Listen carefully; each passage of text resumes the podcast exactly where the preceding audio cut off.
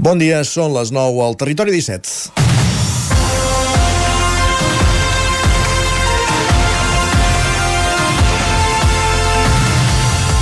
L'Atlàntida de Vic va viure dissabte una nit especial en el concert solidari agosaradament. El 9-9, com acostuma a fer des de fa anys, va convertir una efemèride important com són els 45 anys de la publicació del primer exemplar del diari en un acte de retorn al territori a la gent que l'ha vist néixer i consolidar-se. Més de 600 persones van omplir la sala Ramon Muntanyà per escoltar els maridatges artístics entre músics d'Osona i usuaris dels serveis d'Osonament. L'experiment va ser tot un èxit i el resultat va ser un espectacle carregat d'emocions, però també de qualitat musical i amb grans dosis d'humor. Tots els diners recaptats durant la gala es destinaran a equipar un habitatge tutelat per l'entitat. La presidenta de premsa d'Osona, l'empresa editora del 9-9, Et Codina, va recordar la gran feina que fa Osonament per combatre l'altra gran pandèmia d'aquest segle, que és la salut mental.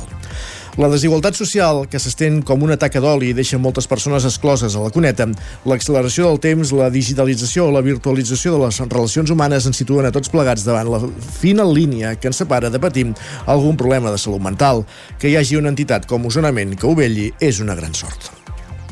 I darrere l'acte solidari d'aquest dissabte hi ha tots els professionals que treballen o han treballat al 9-9. Són quatre dècades i mitja i amb aquest 4.302 exemplars, amb el d'avui volem dir, que han contribuït a cohesionar el que l'alcalde de Vic, Albert Castells, va definir com la vegueria del 9-9, formada per les comarques d'Osona, el Ripollès, el Lluçanès, el Moianès i el Vallès Oriental.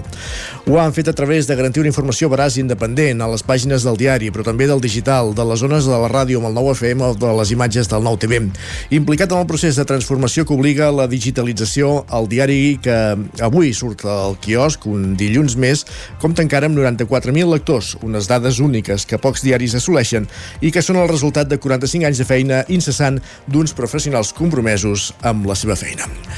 És dilluns 13 de novembre de 2023, ens permetran aquest inici en motiu del 45è aniversari del 9-9 i després d'aquest acte de celebració del passat dissabte a l'Atlàntida, en el moment de començar el territori 17, com cada dia, a la sintonia de la veu de Sant Joan, Ona Codinenca, Ràdio Cardedeu, Ràdio Vic, el 9 FM, i ens podeu veure també, ja ho sabeu, com cada dia, a través de Twitch, YouTube, Televisió de Cardedeu, el 9 TV i la xarxa més. Territori 17.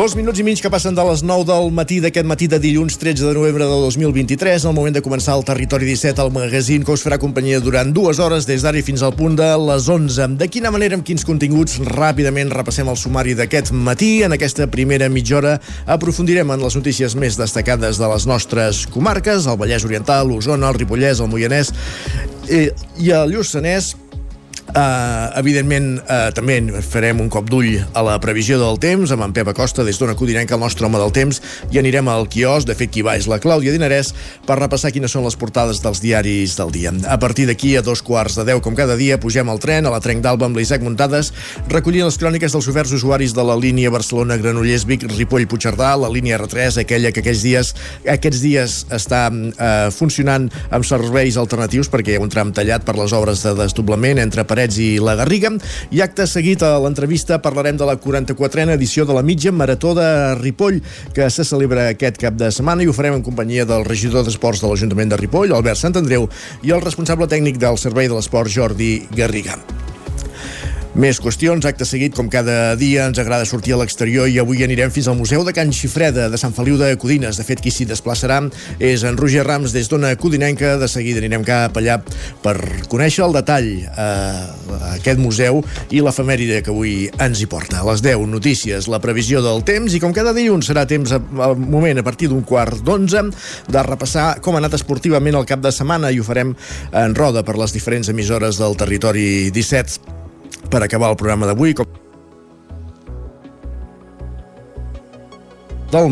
com, com dèiem, per acabar el programa d'avui, com cada dia, fixant-nos en les piolades del matí, eh, en companyia d'en Guillem Sánchez i la tertúlia esportiva després d'una nova jornada futbolística del cap de setmana, amb nova victòria del Girona, que continua líder en solitari, eh, victòria amb èpica del Barça, que va remuntar 1-0 advers, empat de l'Espanyol, de tot plegat en parlarem amb els nostres contertulians habituals aquí, al Territori 17. Per tant, sense més demora, ens posem en dansa, com cada matí, repassant, aprofundint En l'actualitat, amb les notícies més destacades de les nostres comarques, el Vallès Oriental, l'Osona, el Ripollès, el Moianès i el Lluçanès, les notícies del Territori 17. Territori 17.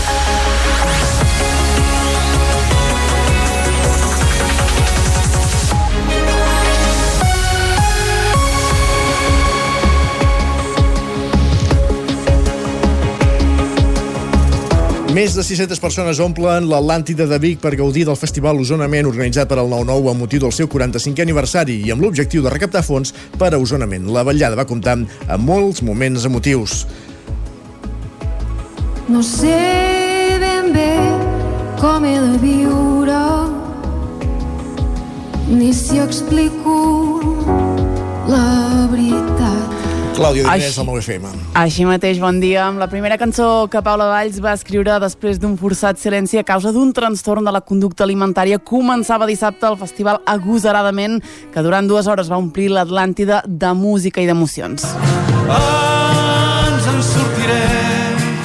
I així, amb aquest cant a l'optimisme d'Arnau Tordera, Marc La Rosa, Quim Graner i Pau Serra s'hi posava punt final entre una actuació i altra, vuit actuacions musicals, gags humorístics a càrrec de Ramon Marçó i Xavi Font, discursos institucionals i vídeos sobre l'evolució del 9-9 o la convivència en una llar d'osonament van conformar el programa d'una nit llargament aplaudida.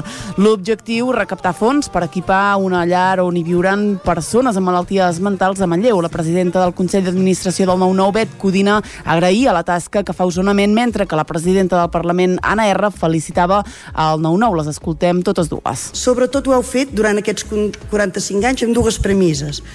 Una, intentant construir una societat, doncs, crítica i informada. I l'altra, sobretot, i ho deia també l'alcalde, que ho heu fet amb la nostra llengua. Ho vau fer des del principi, quan podíem doncs, sortir del franquisme i formar doncs, aquest nou mitjà de comunicació, allà hi va donar un impuls i ara hi continueu donant un impuls a una llengua que tots sabem que està patint i que ens cal la feina de tots per no deixar doncs, que tingui aquesta força. mental, o millor dit la falta de salut mental, és la gran plaga dels nostres temps. La desigualtat creixent que s'estén com una taca d'oli al nostre país deixa molts exclosos, molta gent tirada als marges.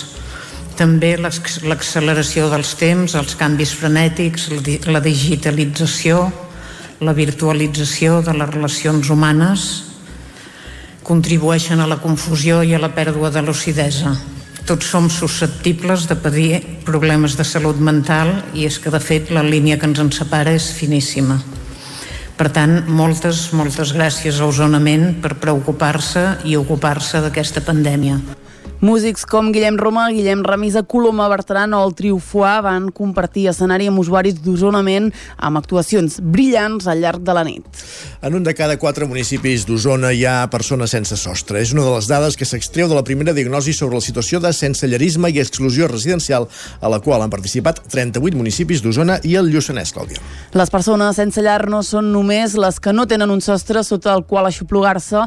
Aquest és l'estadi més complex del sensellarisme i, de fet, segons una diagnosi que ha elaborat la Càtedra UNESCO d'Habitatge de la Universitat Rovira i Virgili, en un de cada quatre municipis de la comarca d'Osona hi ha persones sense sostre. En parlen dos membres de la càtedra, Héctor Simón i Irene Suau. S'ha identificat que en molts municipis hi ha situacions de persones sense sostre, hi ha situacions d'ocupacions, persones que, que estan ocupant un habitatge sense títol, situacions de subocupació, etc. Tothom percep que hi són, però quan ja ho posa sobre el paper, no?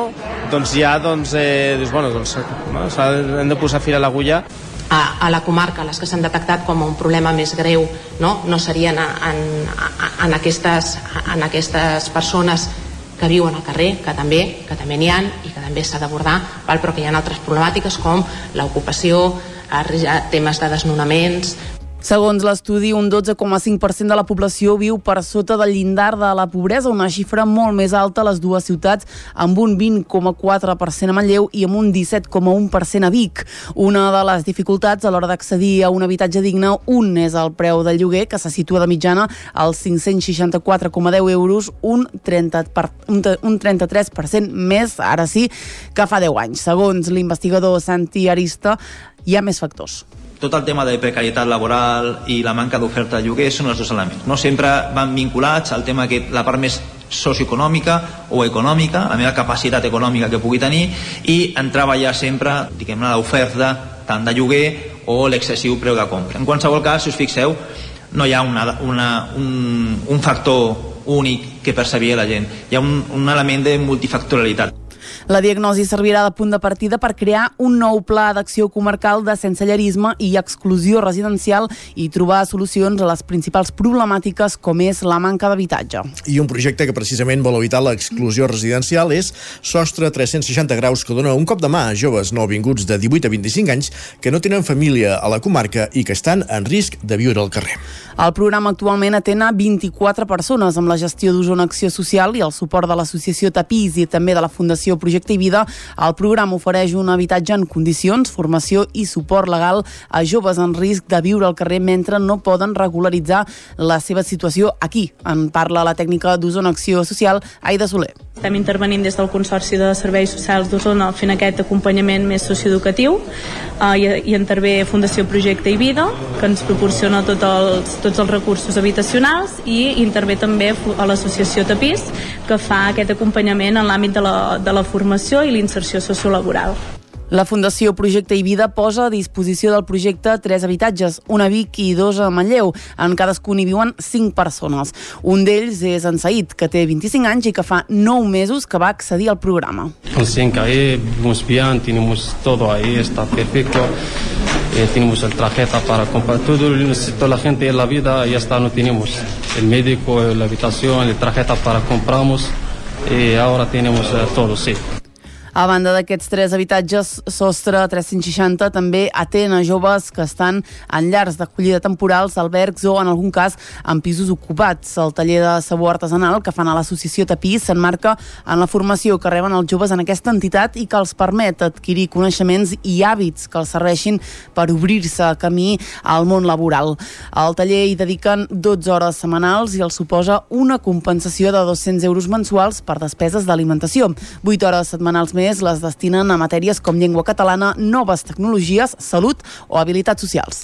Gràcies, Clàudia. Més qüestions. Anem cap al Vallès Oriental perquè Caldes de Montbui instal·la sis noves estacions d'abastament fotovoltaic per ampliar la comunitat energètica que ara mateix més gran de Catalunya. Roger Rams, zona Codinenca. L'Ajuntament de Caldes de Montbui manté la seva aposta per seguir liderant la implantació d'energia solar a nivell català. En aquesta línia, el consistori calderí ha aprovat la instal·lació de sis noves estacions fotovoltaiques ubicades en equipaments municipals que comptaran amb més de 260 plaques solars.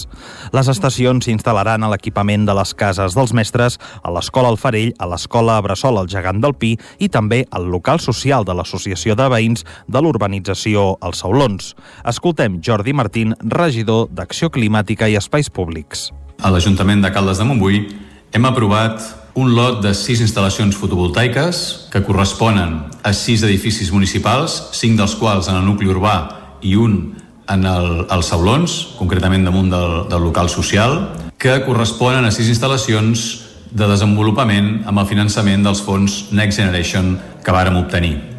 Tot i que l'Ajuntament Calderín ha aprovat ja la instal·lació i en té la subvenció necessària, en els propers mesos s'ha de fer la licitació d'obres. Martín apunta que aquesta acció està marcada dins el desenvolupament de la comunitat energètica de Caldes, fins ara la més gran del país. Aquestes obres, aquestes instal·lacions fotovoltaiques, van en la línia de seguir completant les fases de desenvolupament de la cel de Caldes, de la comunitat energètica del nostre municipi, perquè aquest govern seguirà exercint polítiques d'acció climàtica valentes, novedoses, singulars, que corresponen a fer, en aquest cas, la nostra energia al nostre municipi. D'alguna manera, energia sostenible, energia quilòmetre zero i avançament cap a, cap a polítiques de transició energètica i de lluita contra el canvi climàtic. Aquestes noves instal·lacions solars han de vestir els equipaments on es col·locaran i també els habitatges adherits a la comunitat energètica local que es trobin a la seva vora. Amb aquestes sis noves estacions, que tindran un cost de gairebé 130.000 euros, la comunitat energètica local de Caldes de Montbui comptarà ja amb 18 estacions de captació d'energia. I ho explicàvem la setmana passada a l'entrevista. Planols al Ripollès acull la segona edició de la Fira de Micropobles amb la presència de 25 municipis catalans. I Isaac Muntades des de la veu de Sant Joan. El pròxim dissabte 18 de novembre se celebrarà a Planoles la segona edició de la Fira de Micropobles de Catalunya, que comptarà amb la participació de 25 municipis de 13 comarques d'arreu del territori de les províncies de Girona, Barcelona i Lleida. La fira, que es va organitzar l'any passat per primer cop al municipi de l'Estany, al Moianès, amb la participació de 16 pobles, comptarà amb una trentena d'estants i parades de productes locals dels micropobles assistents. Per exemple, hi haurà oli de la Granadella, formatge i carquinyolis de les Llosses, embotits de Planoles, un llibre d'història de Susqueda, un vermut de saque de Josa i Tuixent, o informació sobre les escoles rurals de Planoles i Vallfogona de Ripollès. L'alcalde de Planoles, David Verge, enumerava algunes de les activitats que hi haurà. Riu doncs, que és un, és un municipi de la Garrotxa, doncs, presentaran un festival que es diu Des d'aquí estan veig una estrella, que està dedicat a la, a la cançó de, de tradició oral participativa, de Res, que és un, un municipi de les Garrigues, portarà un projecte que es diu Camins de Pedra per, per mostrar els, els atractius patrimonials d'aquest municipi. Després hi ha una presentació d'un llibre que es diu La tira de rutes, 50 excursions pel Ripollès, que això vindran de, Vall, de Vallfona, del, del Ripollès, de presentant aquest llibre. També hi haurà una actuació de bastoners, jocs com les bitlles catalanes o el tir amb barc. La fira estarà padrinada pel cantant Manu Guix, que és un estiuejant de tota la vida de Planoles. Els micropobles, que fa dos anys es van redefinir com aquells municipis que tenen menys de 1.000 habitants o amb nuclis dispersos i que perden població, són majoria al Ripollès, ja que 13 dels 19 pobles de la comarca encaixen dins de la descripció. Verge és el tresorer de l'associació i, a més a més, forma part de la sectorial de territori i lidera la comissió d'habitatge. Verge també apuntava que la Generalitat els escolta i els fa més cas que abans. Riu d'Àrab, doncs, que és un, és un municipi de la Garrotxa, doncs, presentaran un festival que es diu Des d'aquí estan veig una estrella, que està dedicat a la, a la cançó de, tradició, de tradició oral participativa, de Res, que és un, un municipi de les Garrigues, portarà un projecte que es diu Camins de Pedra per, per mostrar els, els atractius patrimonials d'aquest municipi. Després hi ha una presentació d'un llibre que es diu La tira de rutes, 50 excursions pel Ripollès, que això vindran de, Vall, de Vallfona, del, del Ripollès, de presentant aquest llibre. Els micropobles tenen dos problemes principals, la manca d'habitatge i l'accés de burocràcia, ja que, per exemple, a Planoles la secretària ha de treballar 12 hores al dia per atrapar la feina perquè s'han d'omplir molts justificants i documentació per fer les coses. I d'aquí 15 dies, el diumenge 26 de novembre, se celebra la sisena edició del Cross de Cardedeu organitzat pels, corri... pels Corrigaires, el col·lectiu d'atletes d'aquesta població del Vallès Oriental. Enric Rubio, Ràdio Televisió Cardedeu. Així és, Isaac, la cursa manté el mateix perfil que en les edicions anteriors, mantenint els mateixos circuits i seguint dins la Lliga Comarcal dels Jocs Escolars de Catalunya. Enguany, però, es preveu rebre bastants més participants. En Joan Estafanell, membre del col·lectiu d'atletes de Cardedeu, ens ho explica des del, des del Parc Pompeu Fabra, punt d'on surten i arriben els diversos recorreguts. Mira, surten, tant la sortida com l'arribada és, és aquí mateix, donen la volta i se'n van cap al camp d'aquí darrere i fan una, un, un trosset de bosc i després tornen a baixar. Són tres circuits, hi ha un circuit que és d'un quilòmetre, un altre de 600 metres i un altre de 400, que els combinem per les diferents distàncies. Corrigaires no només organitza curses, sinó que té una escola d'atletisme que entrena pels voltants del Parc Pompeu Fabra i aquest inici de curs ha comptat amb més de 50 infants inscrits. Precisament aquesta temporada, a més de comptar amb aquests més de 50 inscrits, també hi ha grups d'entrenaments, un per adults que mai hagin corregut abans o vulguin reenganxar-se a l'esport i un altre per sortir a córrer als vespres. Gràcies, Enric. Acabem aquí aquest repàs informatiu que començàvem al punt de les 9 en companyia de Clàudia Dinarès, Enric Rubio, Isaac Muntades i Roger Rams. Moment de saludar també en Pep Acosta. Tornem cap a una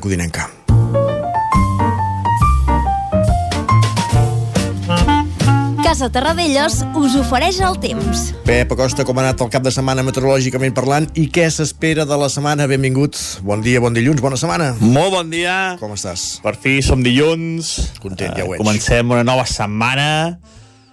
Ens apropem ja a la segona quinzena del mes de novembre i ho fem en plena en ple estiuet de Sant Martí. Eh, com s'han enfilat les temperatures un cap de setmana molt tranquil.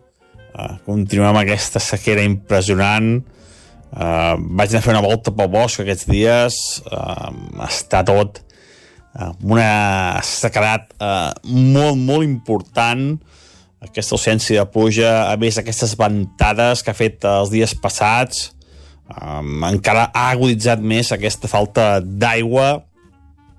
I és impressionant uh, si voltes una mica pel bosc uh, com està, eh? fa molt, molt mala pinta tot plegat. Uh, realment un problema molt i molt gran el que, el que tenim.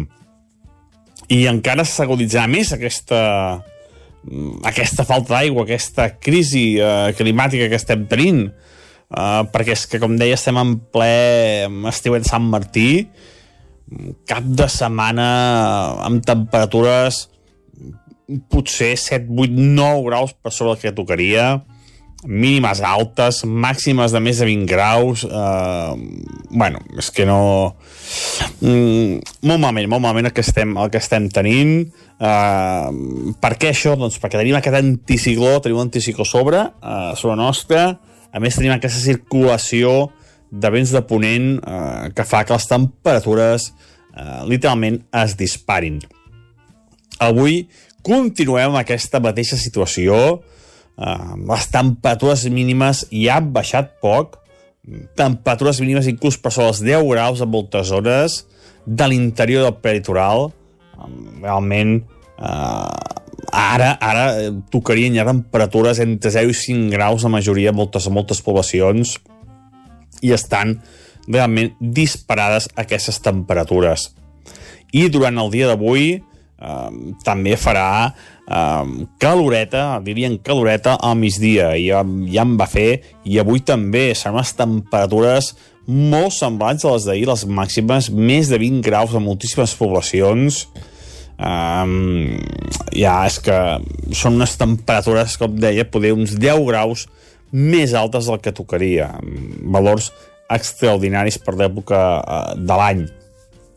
L'estat del cel serà molt serè, amb quatre núvols decoratius, molt poca cosa, cap precipitació, continuem amb aquest mateix panorama eh, de, de circulació de vents de ponent, eh, circulació de fronts atlàntics que no ens afecten i que ens deixen aquesta situació tan i tan seca. Esperem a veure si els pròxims dies pot canviar una mica el panorama, doncs que no fa a cap pinta ni a curt ni a mig termini de canviar, eh? situació eh, molt greu que es va accentuant dia rere dia. Uh -huh. A disfrutar aquest dilluns i a intentar passar aquest estiu de Sant Martí de la millor manera possible. Moltes gràcies, adeu. Gràcies a tu, parlem d'aquí una estona, Pep. Casa Tarradellas us ha ofert aquest espai. I és moment ara d'anar cap al quiosc.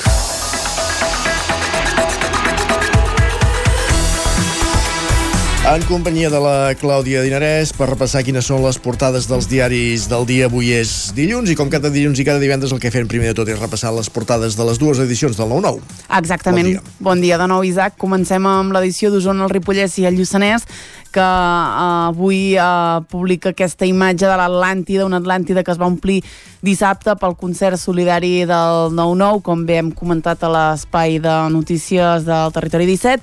Altres titulars que veiem a la portada d'avui, dia 13 de novembre, el govern vol limitar els pisos turístics a 17 municipis d'Osona i del Ripollès. Quatre pobles superen el límit fixat de 10 habitatges per cada 100 habitants. Més coses, la Fira de la Muntanya, a dalt de tot, una fira que s'ha desplegat aquest cap de setmana i 20 anys sense Miquel Martí i Pol. També obliguen l'Ajuntament de Ripoll a penjar la bandera espanyola. Anem al Vallès Oriental, que diu una trentena de ballesans amb causes pel procés es beneficiaran de l'amnistia. Els jutges de Gans de Granollers i Mollet no firmen el manifest crític amb el pacte PSOE junts. A la imatge de la portada hi veiem el tancament de l'hotel suís que va al jutjat. Els treballadors de l'històric establiment de Sant Celoni denuncien que no se'ls han donat explicacions per la clausura per sorpresa d'aquest estiu ni han cobrat el que els deuen. Altres titulars de l'edició d'avui dilluns, l'Atmella aconsegueix 14.000 euros pels 72 vehicles del dipòsit municipal i l'Ajuntament de Granollers aprovarà un pressupost de 107 milions.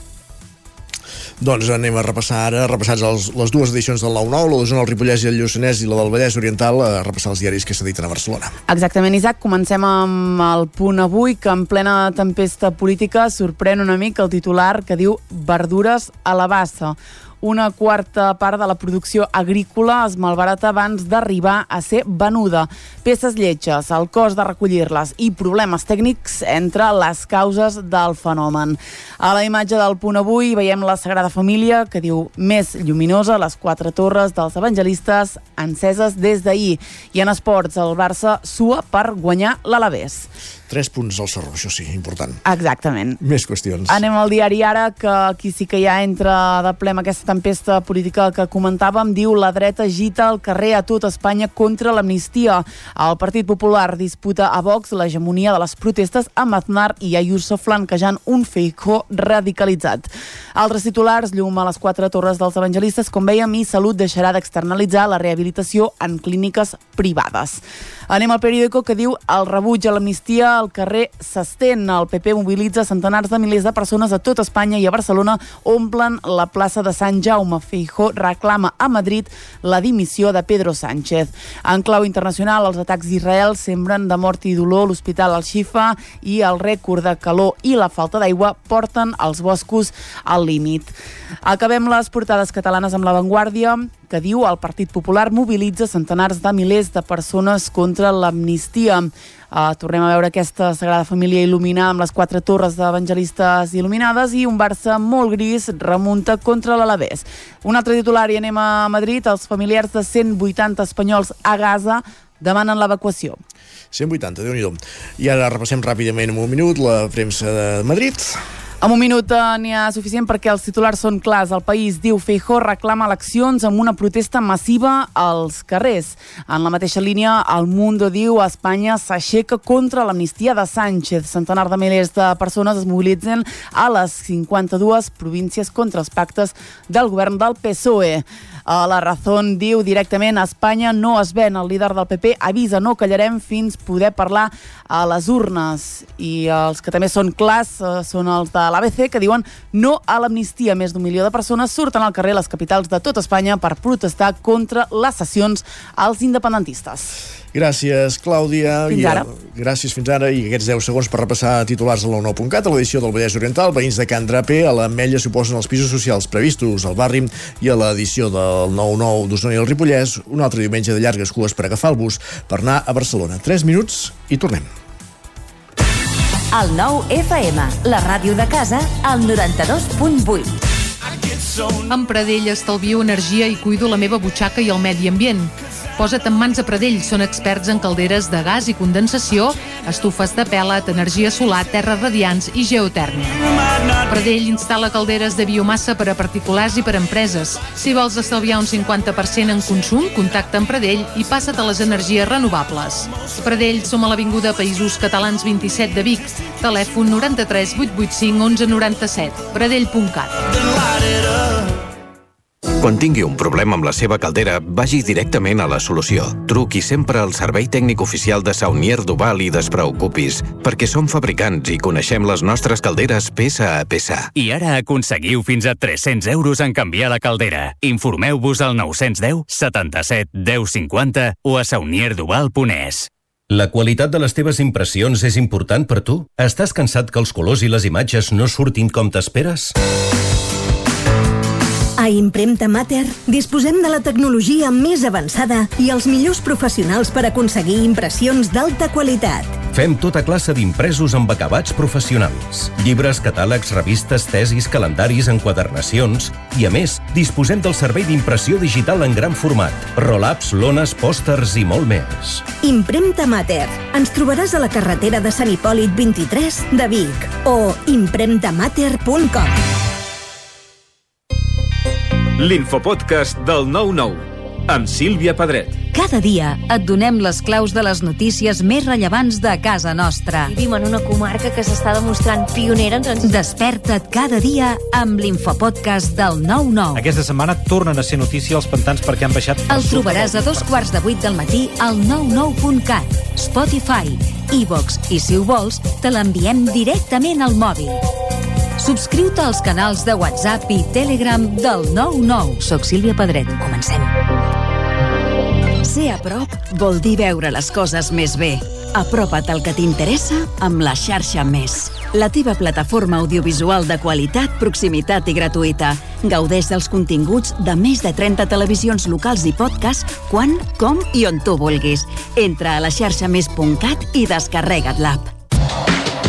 Cada dimarts a les 11 de la nit, al 9 FM, repàs de l'actualitat esportiva a la banqueta.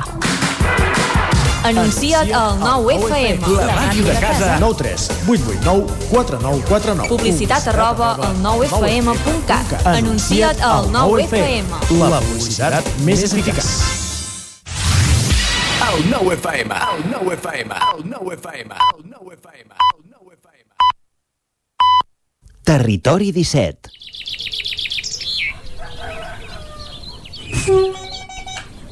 A Tren d'Alba. Cada dia els usuaris i usuàries de la línia R3 de Rodalies que veuen sortir el sol des d'un vagó ens expliquen les gràcies i les penes del primer comboi que uneix Ripoll i Barcelona o les feixugues jornades amb el tren després de treballar. Benvinguts a Tren d'Alba. L'altre dia un usuari a Dix es queixava d'un vigilant de Renfe que coincidia amb ella cada dia a la mateixa hora i s'acostava per vigilar-la i intimidar-la. Aquesta passatgera va gravar-ne un parell de vídeos que va difondre en aquesta xarxa social i Renfe ja ho va posar en coneixement de l'empresa de seguretat després de lamentar la situació. I de fet, l'empresa ja va retirar aquesta persona del servei. Se suposa que els vigilants de seguretat han de protegir els viatgers del tren i no fer-los passar por. Amb què ha de confiar aquesta noia després d'haver viscut aquesta situació? En fi, us deixo amb la crònica d'en Jordi Valls de d'avui. Bon dia, sóc en Jordi. Aquest cap de setmana per la ràdio, no recordo si era rac o Catalunya Ràdio, parlaven de que el número de viatgers a la ROT 3 havia baixat més o menys un 4,5%. Clar, la dada era absolutament eh, barcelonocentrista, que vol dir de la comarca o de la R3 cap a Barcelona, sense tenir en compte la gent que fa les parades intermitges, la gent de Mollet o Granollers que agafa serveis alternatius. I el que sí que és cert és que tenim un problema amb l'E12, sobretot els diumenges de baixada i els divendres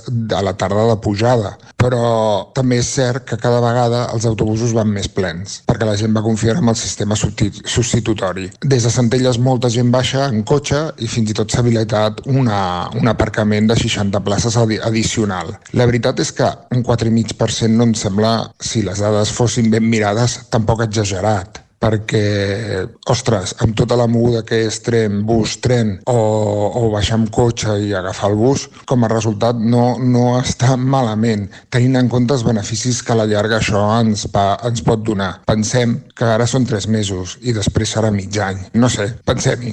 Les notícies són molt barcelonocentristes, en general, i realment som ciutadans de segona perquè des de les comarques del Vallès, Osona i sobretot el Ripollès aportem molt menys viatgers i, clar, prioritzen els viatges on hi va més gent. I això, que com bé dius, l'autobús va ple. No em vull ni imaginar què passaria si n'hi és buit.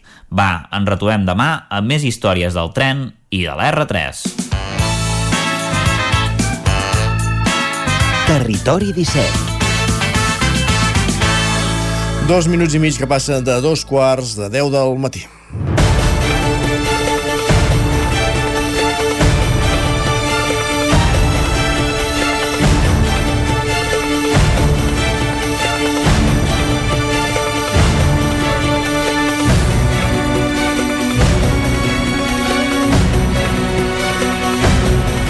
Aquest proper cap de setmana es disputarà la 44a edició de la mitja marató de Ripoll. Aquest proper diumenge, volem dir, que, com ja sabeu, és un clàssic de l'atletisme al Ripollès i té l'honor de ser la cursa més longeva de la comarca. A la dècada dels 90 fins i tot va arribar a congregar més d'un miler de participants i actualment fa 4 o 5 anys que ha tornat a recuperar la seva esplendor encara que lluny de les xifres d'aquella època daurada. Isaac Muntades, la veu de Sant Joan. Bon dia, Isaac. Doncs sí, la veritat que des de que es va reinventar això, eh, que deies fa uns quants anys, uns 4 o 5, amb la inclusió de nous recorreguts i també del canvi d'ubicació de la sortida, en aquest cas des de la carretera de Barcelona va passar doncs, a, a sortir-se des de davant de la plaça del, del monestir de Ripoll, una zona més emblemàtica, doncs la, la prova ha recuperat la, la seva millor forma. Avui en volem parlar amb el regidor d'Esports del consistori, l'Albert Sant Andreu, i també amb el responsable tècnic del Servei d'Esport del consistori, en Jordi Garriga. Moltes gràcies per ser al territori 17 amb nosaltres. Bon dia, moltes gràcies a vosaltres també per convidar-nos. Uh, abans dèiem que la cursa s'ha recuperat en els darrers anys. No sé com va el ritme d'inscripcions respecte a l'any passat. Ara ja en tenim 427. Fa un moment ho hem, ho hem mirat entre les tres proves que es disputaran. No sé com, com la valoreu, aquesta xifra. Bé, doncs uh, est estem molt contents uh, perquè realment estem pràcticament exactament igual que l'any passat. Uh, teníem estem dos inscrits, justament dos inscrits per sota que l'any passat, ara actualment. Uh mhm. -huh. És una xifra que ja és la, la que preveia, eh? una mica, uh, m'imagino? És, sí, exactament. Nosaltres el que estem intentant, sobretot, que és com comentaves ara fa poc, és mantenir aquests total de 600 inscrits aproximadament. Normalment l'última setmana sempre venen entre 70 i 80 persones que s'inscriuen i llavors el mateix dia de la cursa també tenim entre 30 i 40 inscrits. Per tant, aquest any vam començar una mica més a poc a poc a fer les inscripcions, la gent s'ha anat apuntant més al final, hi va haver uns dies que estàvem 70 o 80 per sota, patíem una mica, però bé, també som conscients que les mitges d'asfalt actualment eh, costa, costa que s'emplenin més, la muntanya com és lògic, potser doncs ara mateix té més tirada, no? hi ha hagut més efecte de muntanya i del trail running, i llavors amb les d'asfalt ens ha costat més. De fet, hi ha hagut eh, pobles del costat, eh, d'Osona que han hagut de suspendre les seves mitges. Llavors, eh, entre Ripoll i Sant Joan doncs, estem una mica lluny de la zona metropolitana i la gent que venen doncs, tenen un desplaçament important. Per això el nostre objectiu és intentar mantenir-nos sempre. Som conscients que és difícil augmentar, però almenys intentant-se mantenir sobre aquestes 600 persones. Uh -huh. Com funcionen la, les, inscripcions, les inscripcions? Fins quin dia estan obertes? Eh, no sé si el mateix dia del curs encara la gent es pot inscriure i quins són els preus? Moltes preguntes, eh, t'hem fet. Bé, no, cap problema. Eh, les inscripcions nosaltres estan obertes ben bé fins al mateix dia de la cursa, mitja hora abans de la cursa la gent es pot inscriure. Això ho fem, tot, tot i que a vegades ens, ens, ens costa una miqueta pel, pel tal de, de la gestió de samarretes i de talles, però ho fem per intentar fer la màxima facilitat possible a l'hora de que la gent es pugui inscriure. No? Com, com més estona tinguem obertes, doncs és evident que més gent podem tenir. A vegades ja pot haver gent d'última hora que es decideixi, doncs aquesta gent poden participar igualment el mateix dia. Pel que fa als preus, eh, o sigui, la mitja marató la tenim a 17 euros, la de 14 quilòmetres és a 10, eh, a 14 euros, perdoneu, i la de 5 quilòmetres és a 11 euros. Ara fa 15 dies aproximadament aquests preus eren 2 euros més econòmics totes, llavors sempre fem primer uns preus una mica més econòmics per intentar incentivar la gent que, que se'ns apunti una mica abans i llavors a partir d'aquí els preus tenen aquesta petita pujada, però creiem que són uns preus molt competitius, 17 euros una mitja marató, la majoria de mitges maratons sempre van al voltant dels 24-26 euros, intentem fer també uns preus competitius pel fet d'intentar atraure més persones. Uh -huh.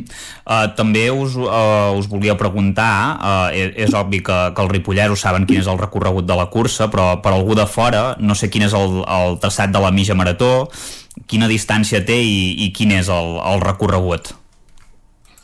Bé, eh, el traçat de la mitja marató surt ben bé des de la plaça de l'Ajuntament, eh, fa una mica de circuit per dintre, una mica de circuit urbà, ben bé per la carretera de Ribes, per davant del CAP, de l'ambulatori, per la zona del Consell Comarcal, i llavors ja agafa el que seria el, el carrer Progrés, que va a direcció a la Vallaneda, eh, i ja ens va ben bé per la carretera principal uh, fins a Sant Joan de les Abadeses. Un cop arriba a Sant Joan de les Abadeses, entra una mica dintre la vila també, fent un gir en el, en el passeig, i ben bé el recorregut de tornada pràcticament és exactament igual, uh, exceptuant a la zona del final, que quan s'arriba a la rotonda d'entrada de Ripoll, doncs ja tira eh, doncs més per l'altra zona dels pintors en lloc de passar per la Valleneda, fent la sortida i l'arribada des del monestir de Ripoll, que és un dels canvis que vam fer en el seu moment i que ens va anar molt bé.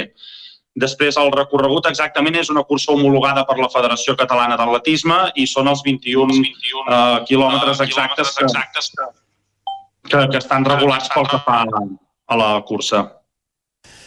Ara també incorporem a, a l'Albert, que amb qui em sembla que tenia problemes d'àudio, ara, ara ens pot sentir i benvingut eh, també a l'entrevista. A l'entrevista. Hola, hola. Ara sí que us sento. Perfecte. Perfecte. Perfecte. Uh, avancem. En Jordi ens estava explicant quins són els, els recorreguts. Evidentment estem parlant d'una mitja marató, no és una cursa oberta a tothom, oi? Bueno, sí, per, per fer una mitja marató primer has de tenir un mínim de, de condicions físiques per poder-la fer. A part que hi ha una edat límit, em sembla que és de 16 anys, uh -huh. i clar, 21 quilòmetres no, no són fàcils de córrer, la veritat. Mhm.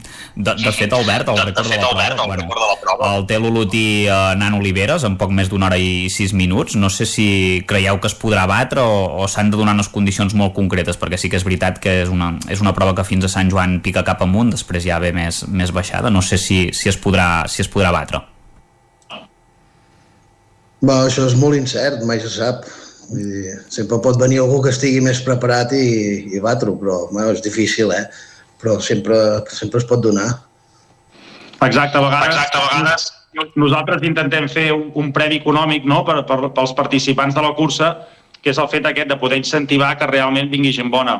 I com comentava l'Albert, és una incertesa. Aquest any creiem eh, que hi ha un lituà que s'ha apuntat, que és un, ara mateix no recordo el nom exacte de la persona, però és un lituà que és un gran atleta, que pot ser que estigui pel voltant d'aquesta hora i escaig Uh, no, no potser per fer rècord o potser sí, és el que comentàvem. Uh -huh. Fins ara qui hi ha inscrit? Hi ha altres noms destacats? El, no sé si Nano Oliveres uh, té intenció de, de repetir, com, com estan en aquest aspecte uh, les inscripcions de, dels atletes de més nivell? Uh, de moment aquest any en Nan Oliveres encara no, no s'ha apuntat, si més no, si no s'ha apuntat aquest cap de setmana o s'ha posat en contacte amb nosaltres, el divendres no s'havia apuntat. Llavors hi ha aquest lituà i de, un altre marroquí que també fa uns anys havia vingut, que també està sobre les hora i escaig, Uh, de moment tenim aquestes dues persones que nosaltres coneguem que tinguin la possibilitat de, de guanyar, de, de, de fer un temps d'aquests tan extraordinaris com fan. Uh -huh. uh, estem parlant una mica de la mitja marató evidentment també hi ha dues curses més la cursa Comte Guifré i, i la Bressol de Catalunya que són proves me, menys exigents no sé quina distància tenen i, i, quin, i quin recorregut uh, tenen entenc que s'hi pot inscriure a tothom eh? que no necessita tampoc tant de requisit físic sobretot a la, a la de 5 quilòmetres hi ha la, la, la prova de 10 i la de 5 que en aquest cas la de 10 també hi ha una edat mínima que són 16 anys, també són 10 quilòmetres que tampoc és poca cosa. I a la de, i a la de 5 quilòmetres sí que no hi ha límit d'edat i s'hi pot apuntar tothom, no cap problema. Uh -huh. Els recorreguts per on passen, Albert, són, són bastant urbans, eh, em sembla? La, la sortida és la mateixa i el recorregut pràcticament és el mateix. Si no tinc mal entès, la, la de 10 quilòmetres van fins allà a Rama, que és bueno, sortida de Ripoll fins a Rama i tornar, i la de 5 faria el mateix però fins als pintors, fins al polígon dels pintors i tornar. Uh -huh.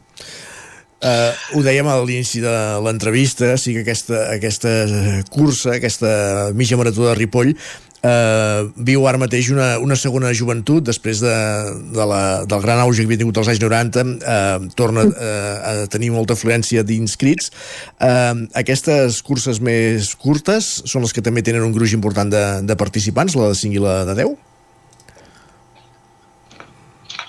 Sí, realment, sí, realment els participants, els participants uh, queden molt repartits. Uh, a la mitja marató intentem sempre voltar les 200 persones, que, que seria el, alguna, intentaríem aconseguir almenys sempre 200 que ens costa.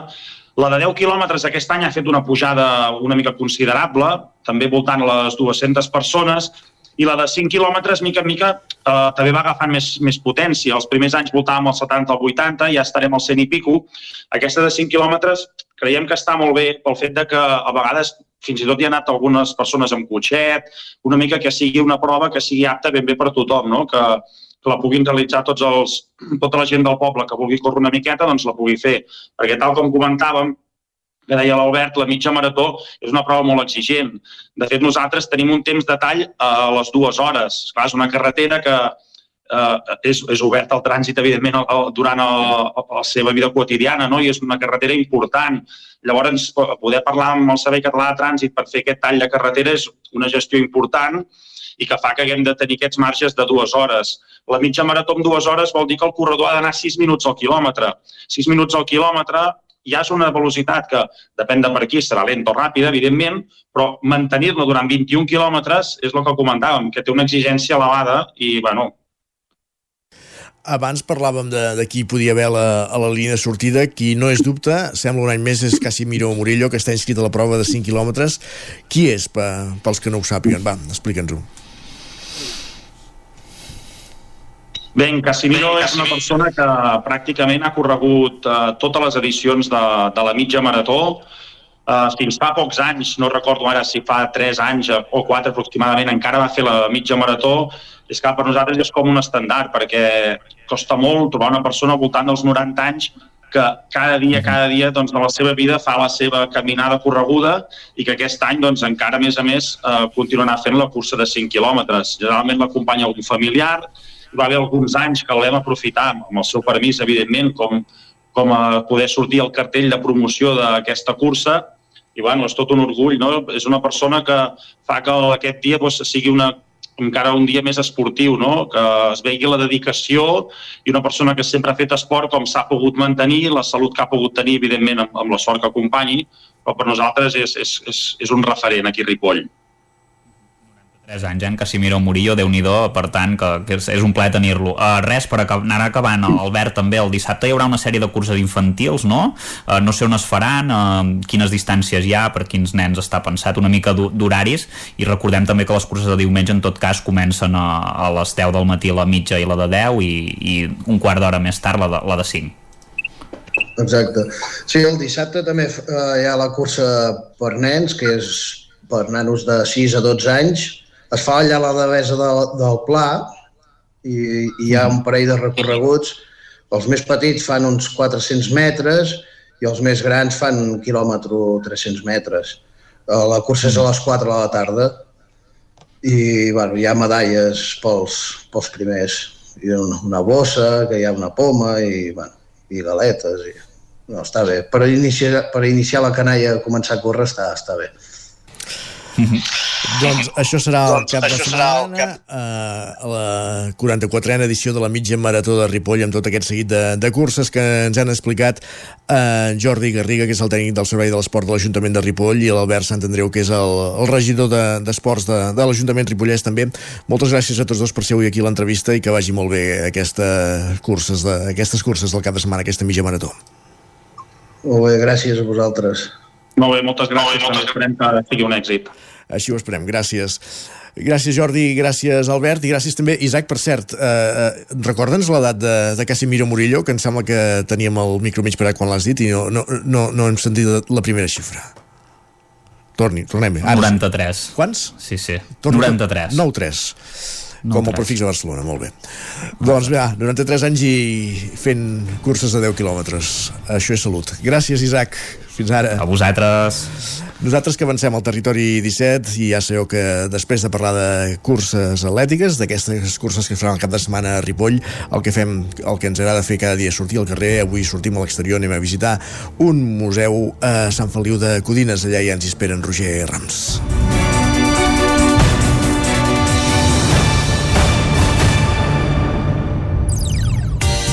Territori 17 Passen dos minuts i mig de tres quarts de 10 del matí.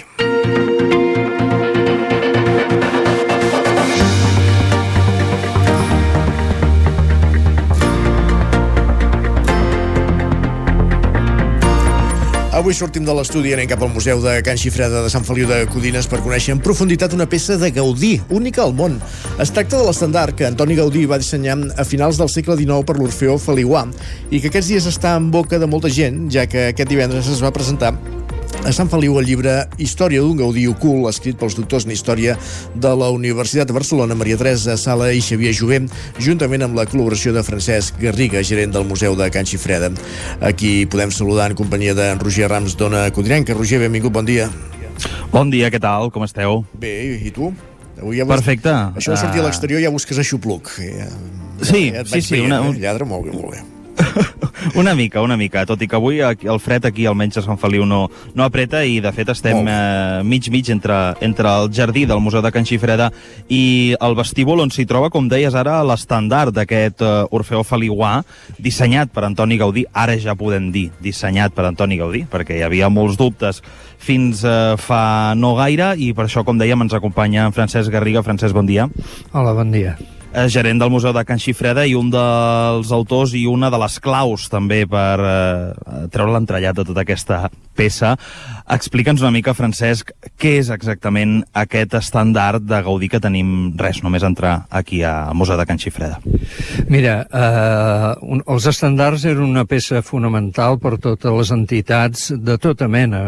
En principi van ser les corals, però llavors eh, els, els esbars dansaires i tota aquesta gent tenien estàndards, que era una manera com de publicitar el nom d'aquella persona que estava, o d'aquell grup que estava ballant, o d'aquell grup que estava cantant, i tot això. I eh, Catalunya és ple d'entitats d'aquest tipus i d'estàndards, cada un amb el seu estàndard. Per tant, aquest estàndard havia de ser el d'alguna entitat de Sant Feliu, i a més porta el nom Orfeo Feliuà, per tant havia de ser aquí. El que passa és que com que va tenir una vida molt atzerosa, mm, el problema era saber qui havia sigut aquesta gent. Ara deies Catalunya n'està ple, eh, cap com aquest, perquè de fet és una peça única i dissenyada per Antoni Gaudí. Bueno, amb això hi ha una anècdota molt divertida i és de que l'any 1998 el Museu d'Història de Catalunya va fer una exposició que es deia Escolta Espanya sobre el modernisme i va dedicar, volia dedicar un, un espai en els, al, al moviment coral i va demanar eh, que, li dongué, o que els hi deixessin per aquella exposició els estàndards de totes les entitats, quantes més millor. I en van arreplegar, doncs, molts. El que passa és que el, el comissari de l'exposició ens va dir tinc un problema. Diu, quin problema? Diu, és que tots els estàndards són d'una manera menys el vostre. I no sé quin tractament museístic donar-li, o sigui, com presentar o com posar aquesta peça tan diferent junt amb totes les altres, perquè canta com una omeja, no? I, i, i, i el tio, bueno, estava com molt emmoïnat, i un dia em truca i em diu, mira, ja he trobat una idea de com exposar-ho. I dic, ah, sí? Diu, com? Diu, mira, diu, posarem tots els estàndards en un passadís, tots a l'esquerra i el vostre sol a la dreta, perquè realment és excepcional, vull dir, és diferent de tots. Ens hem d'imaginar aquesta peça en forma de creu, amb diversos elements eh, tan característics de Gaudí per la seva forma, com també característics i propis de Sant Feliu. Sí. Hi trobem la pinya, la corona de llorer, la fulla de palma, en fi, tota una sèrie de referències, les codines, en fi, tota una sèrie de referències al poble que deixen ben clar que d'una banda era de Gaudí i de l'altra banda que evidentment era per Sant Feliu. No és una cosa que s'hagi trobat eh, així com així. Aquest estàndard una de les sorts que ha tingut, precisament, ha estat el seu oblit. Explica'ns una mica quina ha estat la història d'aquesta peça, perquè eh, tela. Bé, la història d'aquesta peça, per un costat, és tràgica, però per l'altre, doncs, és, és una sort immensa, no? Perquè dels quatre estàndards que va fer Gaudí és l'únic que queda sencer i en bon estat de conservació. Bé, el que va passar és que a Sant Feliu hi va haver una agrupació catalanista que es va fundar l'1 de gener del 1898 i de seguida aquesta agrupació catalanista, que era un grup d'activistes, no era un local tipus casino ni això, no? era un grup de gent que muntava activitats eh, a favor del catalanisme en aquell moment, i el primer que van fer va ser muntar una coral infantil que de seguida va esdevenir a coral de dones i d'homes, eh, seguint el model de l'Orfeó Català de Barcelona, que era un model com més avançat que el de les corals claverianes, que eren només cors d'homes. Bé, doncs aquí a Sant Feliu es fa aquesta coral. Eh, al cap de quatre anys, aquesta coral havia agafat... Mm, eh, era molt coneguda, el demanaven per tot arreu, havia actuat a Caldes, a Granollers, a Moià, a diferents llocs, i eh, eh, va anar tres vegades a Castellà del Vallès i les dues últimes van anar a casa de la marquesa de Castellà del Vallès, que era una dona, doncs, diguéssim, molt pròdiga, no? I, I eh, va ser ella la que explica la història que es va donar que no tenien estandard i d'alguna manera doncs, eh, hem de dir que els hi va preguntar com és que no teniu estandard i els van dir home, que no tenim calés per fer-lo i ella va dir doncs ja us el pago jo. Aquí Sant Feliu doncs va, Uh, un dels que hi cantava era un home que es deia Francesc Ullà, que té una casa de, de, aquí a Sant Feliu, una casa pairal així molt gran, i aquesta casa s'hi reunia els seus amics, i els seus amics eren ni més ni menys que en mossèn Cinto Verdaguer i l'Antoni Gaudí. Llavors, esclar, ell ho va tenir fàcil perquè si la marquesa de Castellà li diu encarregueu a qui sigui, qui us ho pago, valgui el que valgui, doncs ell li diuen al Gaudí que el tenia a casa seva estiuejant, no? I bé, es fa aquest estandard, però resulta que des de que es fa l'estandard fins que arriba aquí, eh, hi ha un fet que és, és eh, lamentable, però és, és el que va passar. I és que l'agrupació catalanista fa l'Ateneu Feliuà. I l'Ateneu Feliuà llavors ja és una entitat amb un local. I ells tenen la seva lògica i diu, si de l'agrupació catalanista va néixer l'Orfeo Feliuà i se'n va anar al Círcul de la Pau perquè no tenia on posar un piano i poder assajar, Ara que ja tenim local, ja podem que vingui el piano al nostre local i que vingui l'Orfeo. Ah, caram, però és clar, això era la lògica dels de l'Ateneu, però la lògica dels del Círcul de la Pau és el nostre actiu més preuat, que és l'Orfeo Feliuà, que té un èxit per tot el Vallès, ara us, eh, vol marxar. I és clar, això va produir una divisió entre els cantaires i en dos mesos es va acabar l'obra dels quatre anys que havia durat l'Orfeo Feliuà. Es van barallar i va quedar la cosa eh, desfeta. I què va passar? Arriba l'estandard quan ja no hi ha Orfeo Feliuà. I, és clar, els del, els del Círcul de la Pau van quedar super ressentits contra l'Ateneu Feliuà que els havia provocat aquest desastre i a sobre es troben que la marquesa de Castellà els hi ha fet una obra, eh, els hi ha pagat una obra que ha fet en Gaudí, que és un home de firma, no és, no és un estandard en sèrie, com n'hi ha molts, sinó és un estandard en firma, que hauria costar un paston, perquè el, el Gaudí, en aquell moment, l'any 1902, estava al zènit de la seva eh, carrera i, per tant, era un dels més cars que hi podia haver, no? I, és clar, es troben que amb aquell regal i que no el poden lluir, no el poden, no, no el poden passejar pel carrer perquè no hi ha, no hi ha. Clar, el guarden, el guarden en un magatzem i es queda allà. Bueno, passen 25 anys, que està allà segrestat d'alguna manera, aquest estandard, i els de l'Ateneu Feliuà, els mateixos, eh, doncs diu, calla, diu, ara que ha passat tant temps, podríem fer una cosa, i és, fem un orfeó, igual que el que hi havia hagut a primers de segle. Li posarem el mateix nom i encarreguen un himne, i l'himne diu tenim un joiguell per tornar a lluir, que és l'estandard de Gaudí. Era una manera, diguéssim, com de reclamar el dret a tenir aquest estàndard. I ells apliquen una lògica interessada a favor seu, evidentment, però el que diuen doncs, és, és eh, com que ara ja tenim un, un altre Orfeo Feliuà i vosaltres teniu l'estandard, donens a l'estandard. Però és que els de, resulta que els del Círcul de la Pau no es havien oblidat encara de, del paperot que hi van fer fer i d'alguna manera no els hi van donar i va continuar oblidat. A l'any 50, aquest estandard apareix en una exposició d'objectes antics que fan els estiuejants de Sant Feliu. I res, tres dies a la vista del públic que no havia vist ningú però torna a desaparèixer. I llavors apareix el dia que el traslladen a l'Ajuntament l'estona de fer els 200 metres que hi ha des del Círcul de la Pau a l'Ajuntament.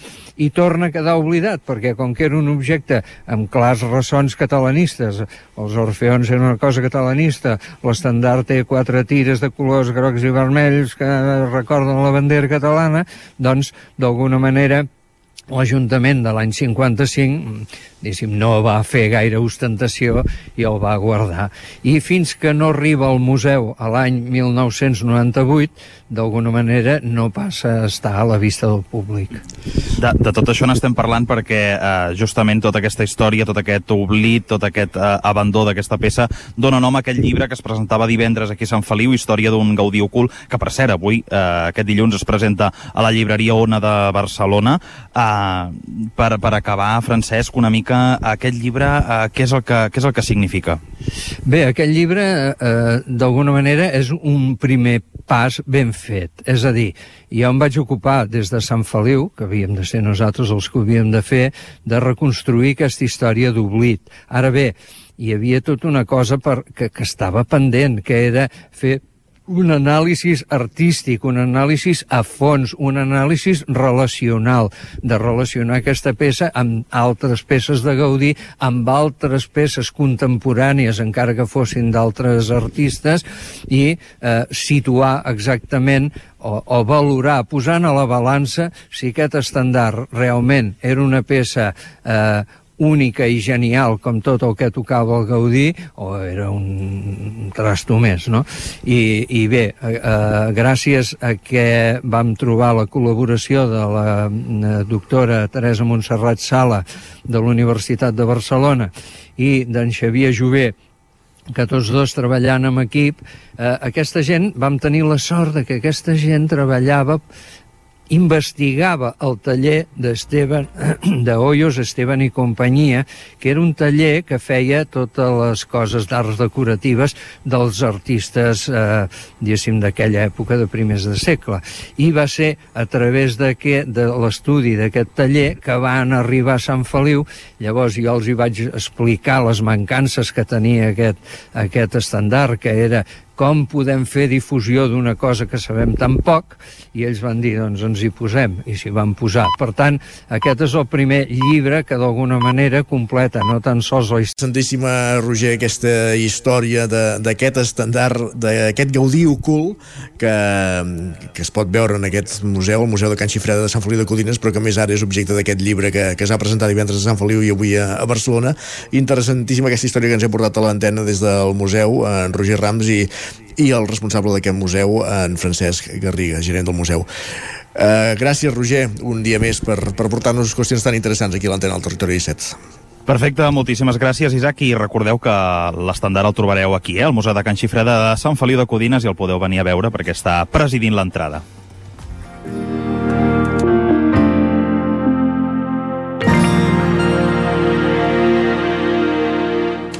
Doncs tornem cap a l'estudi, deixem enrere aquesta connexió que fèiem amb aquest museu de Sant Feliu de Codines. Ara mateix passa un minut de les 10 del matí. Territori 17.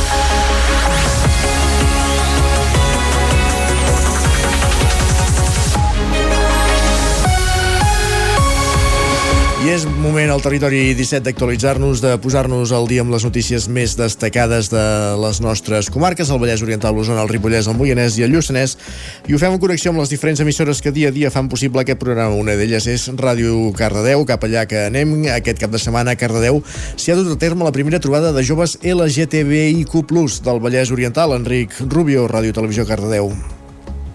Així és, Isaac, aquest passat dissabte 11 de novembre la Texil Race ha acollit les primeres jornades del Vallès Queer, és a dir, la que significa la primera trobada de joves LGTBIQ+, de Vallès Oriental. La proposta va començar a prendre forma a partir del Consell Comarcal i va adherir també a associacions de la zona com són la Vorera de Sant Celoni o la Paqui de Cardedeu. Precisament així ens ho explicava Noelia Moreno, regidora d'Igualtat, Diversitat i Polítiques de Gènere. És important també perquè a Cardedeu a nivell municipal sí que s'ha treballat molt en aquests temes, però és com posar-nos en el mapa també a nivell comarcal. Llavors, establir aquestes jornades aquí trobo que està bé, aquestes són les primeres que es fan, però amb intenció de que es vagin repetint cada any per establir uns, uns lligams a nivell comarcal i, bueno, com que ho han potenciat els propis joves, són, es faran tallers molt participatius, són unes jornades molt participatives que mm, requerirà molta implicació dels joves i, bueno, una mica a veure com, com ho tiren endavant perquè són ells els que han volgut també potenciar tot això.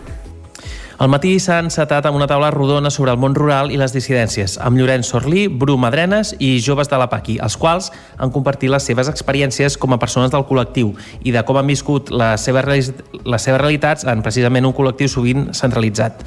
Solero, membre de l'organització Vallès Queer, ha compartit amb nosaltres el que significa una jornada com aquesta. Exacte, vull dir, estem intentant lluitar una mica contra el barcelonacentrisme que diem entre nosaltres.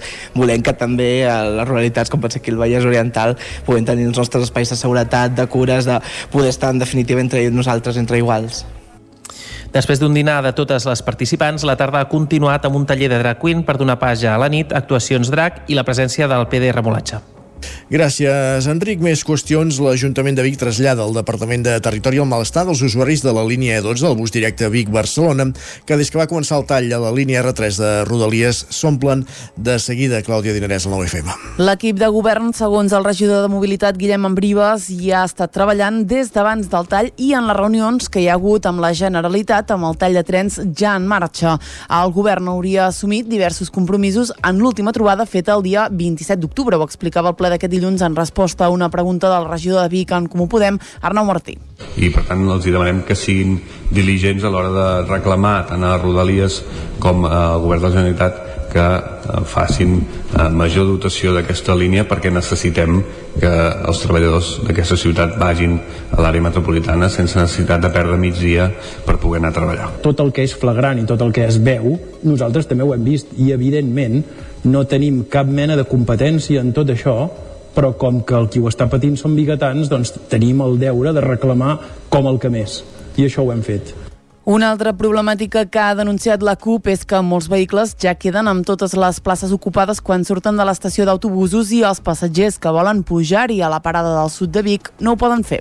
Aquest diumenge tornava a haver-hi cues, com testimoniava més d'un vídeo a les xarxes socials per agafar l'autobús per anar cap a Barcelona diumenge a la tarda. Més qüestions coincidint amb el 75è aniversari de la Declaració Universal dels Drets Humans. La sala 1 d'octubre de la Biblioteca Pilarín Vallès acollia divendres una jornada jornada per reflexionar sobre els drets culturals. L'encapçalaven dues conselleres, Natàlia Garriga i Tània Verge. Doncs exactament, l'encapçalava Natàlia Garriga, consellera de Cultura, i Tània Verge, consellera d'Igualtat i Feminismes, que acompanyades dels màxims representants de l'Ajuntament de Vic van fer una visita guiada per l'equipament Bigatà. Garriga hi va parlar de l'avantprojecte de llei de drets culturals que espera poder debatre al Parlament abans que finalitzi l'any. Estem treballant per elaborar una nova llei o una llei de drets culturals perquè efectivament no n'existeix cap ni aquí ni, ni gaire a prop. Una llei pionera a Catalunya i al nostre entorn més immediat. Aquesta llei respon a un convenciment i a una necessitat.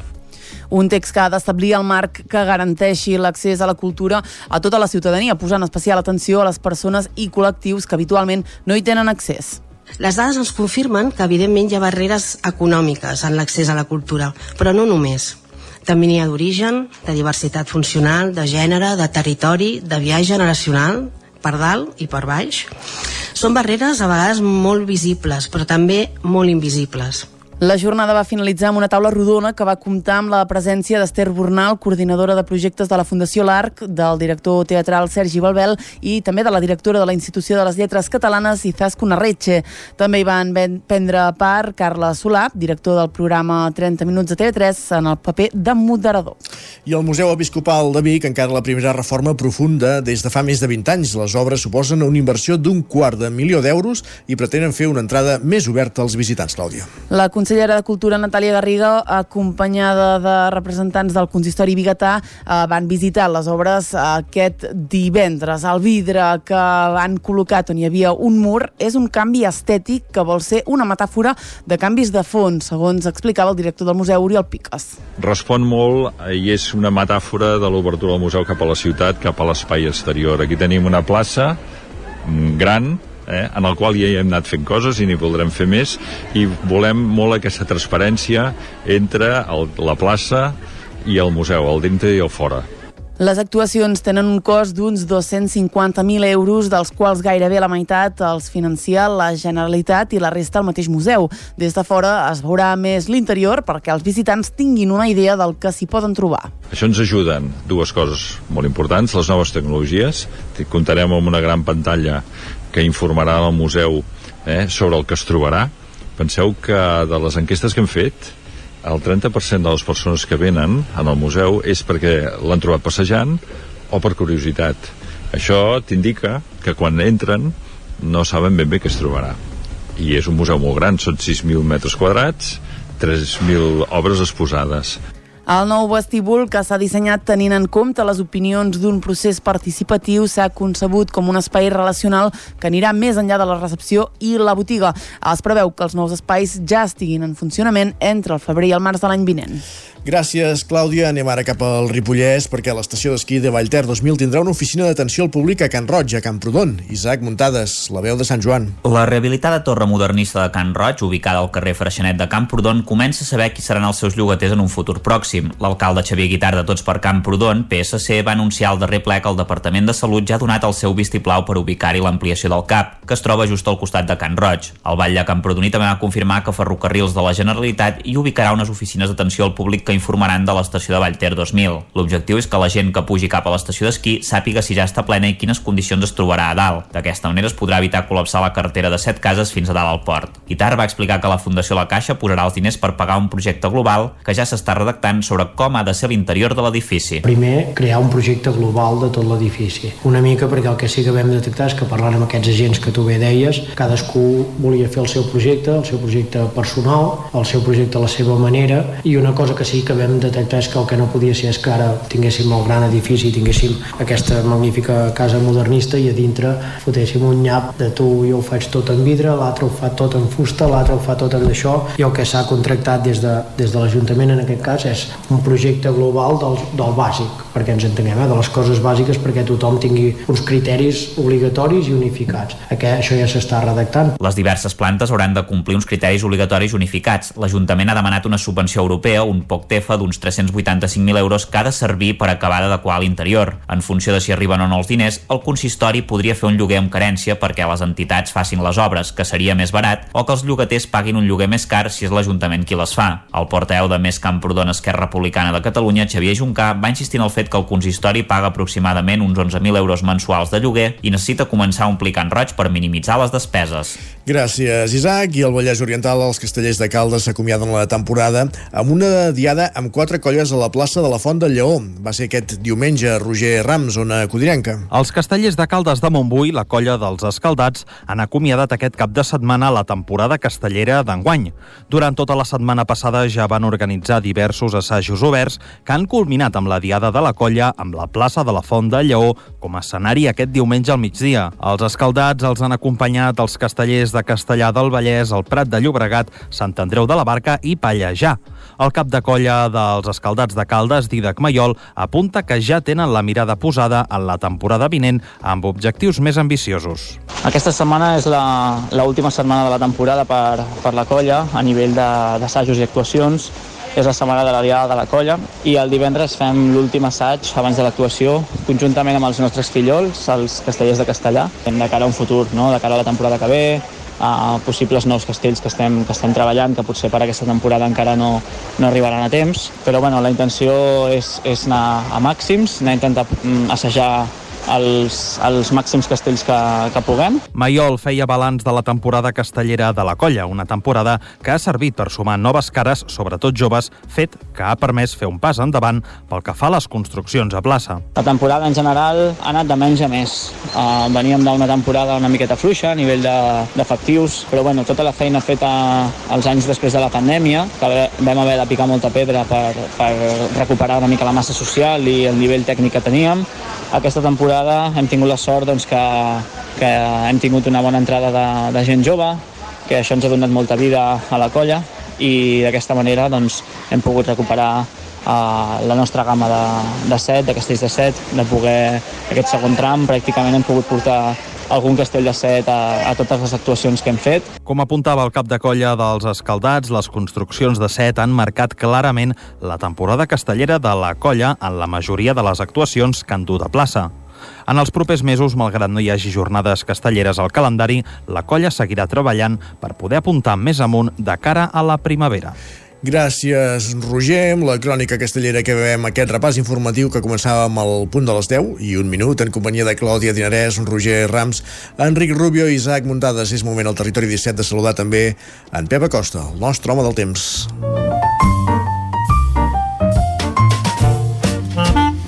Casa Terradellos us ofereix el temps. Volem saber quin temps farà avui, si d'alguna manera canviarà aquesta situació de falta de pluja. Pep Acosta, benvingut de nou, bon dia. I durant el dia d'avui eh, també farà eh, caloreta, dirien caloreta al migdia, i ja, ja em va fer, i avui també seran unes temperatures molt semblants a les d'ahir, les màximes, més de 20 graus a moltíssimes poblacions, um, ja és que són unes temperatures, com deia, poder uns 10 graus més altes del que tocaria, valors extraordinaris per l'època uh, de l'any.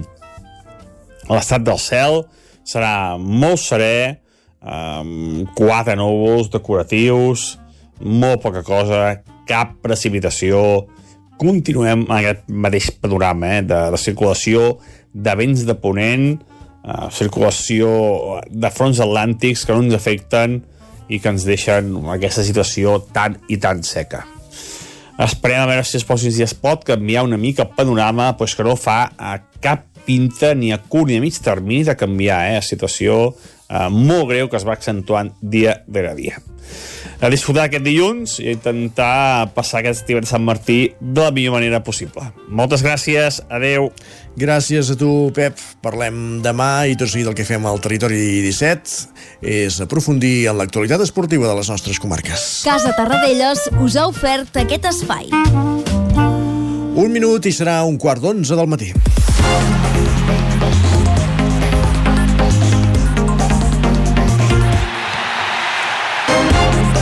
Enric Rubio, Ràdio Televisió Cardedeu, bon dia. Bon dia de nou, Isaac. Què tal, com estem? Molt bé. Moment ara d'aprofundir en l'actualitat esportiva, d'endinsar-nos en com ha anat la jornada del cap de setmana pels equips de les nostres comarques.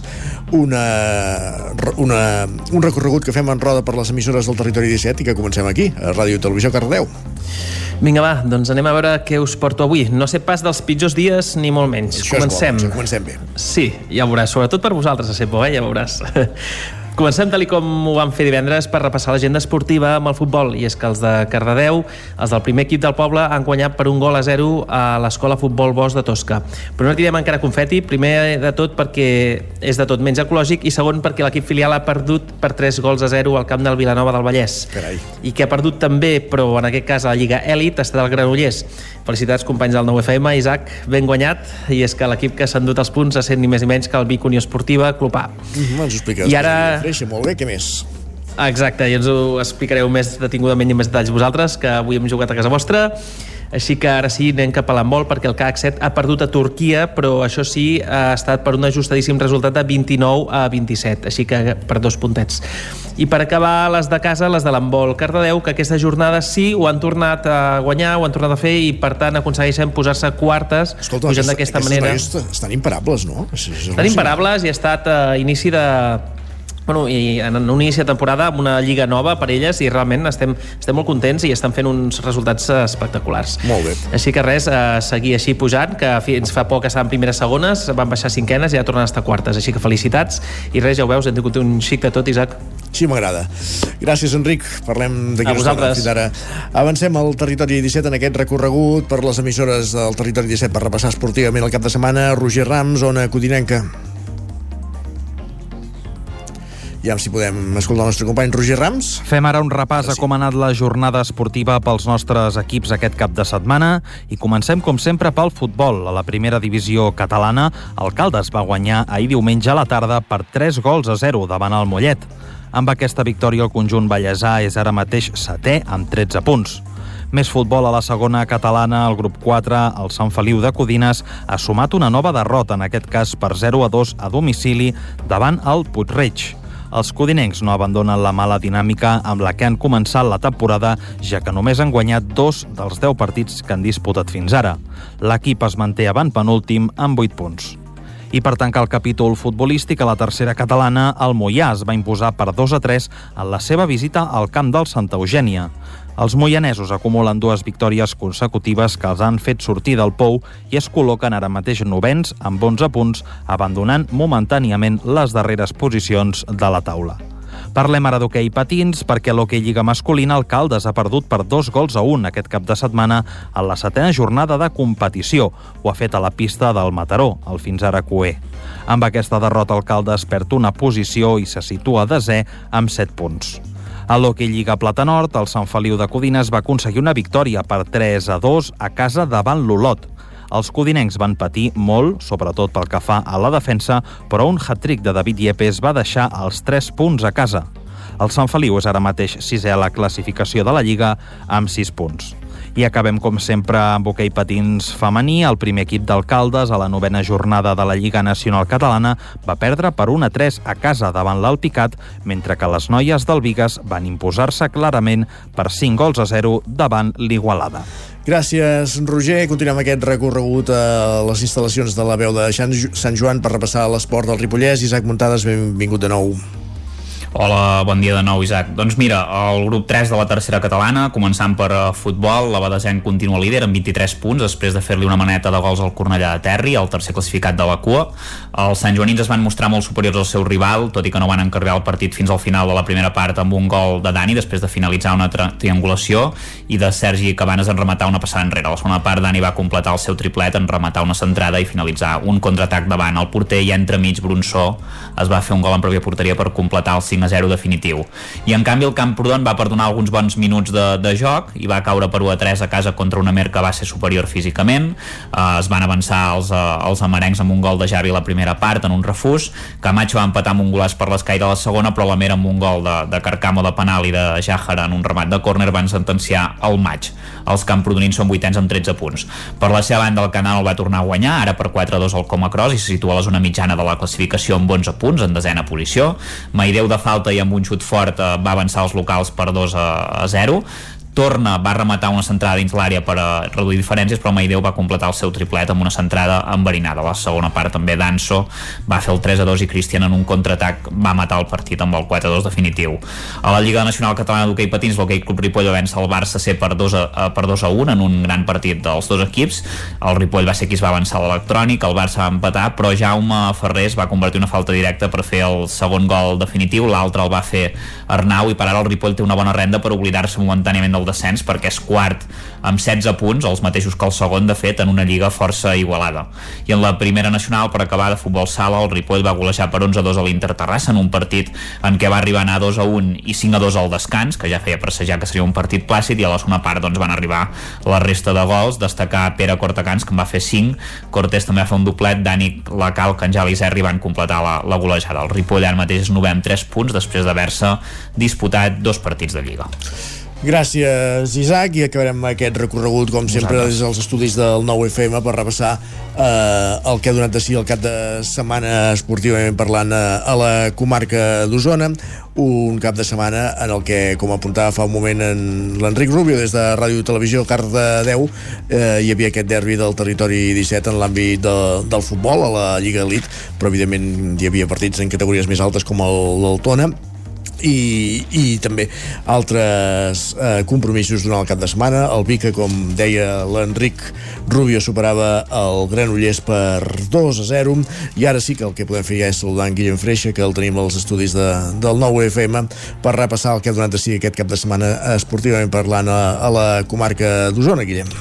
Doncs uh, bon dia, un cap de setmana que tenint en compte altres jornades, doncs les coses no, no han acabat d'anar massa, massa bé, eh? hem tingut uh, algunes uh, ensopegades en, en les diverses modalitats, en les diverses categories que, que repassarem a continuació.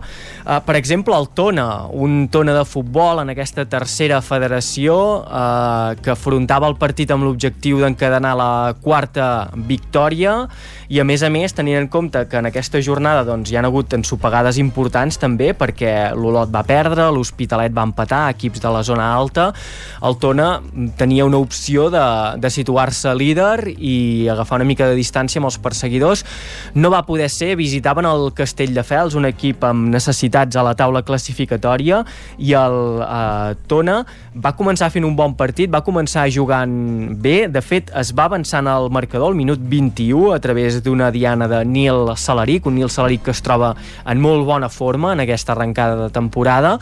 El Tona va disposar d'ocasions per eh, marcar el segon i pràcticament sentenciar el partit i es va comp acabar complint aquella màxima de qui perdona ho acaba pagant, no? que sempre es diu en el món de l'esport, sí, que és un tòpic, no? s'utilitza com a tòpic, però molts cops acaba sent, acaba sent veritat perquè el Castelldefels en eh, dues accions aïllades en el tram final de partit doncs eh, empatava en primera instància al minut 78 i eh, al minut 83 aconseguia el 2 a 1 i per tant que els 3 punts no es moguessin dels canyars del eh, camp de futbol del Castelldefels. Com dèiem, el Tona queda en la tercera posició, ara mateix amb 20 punts, els mateixos que l'Hospitalet, que és segon, hi ha un punt de uh, l'Olot, que es manté com a líder de la categoria.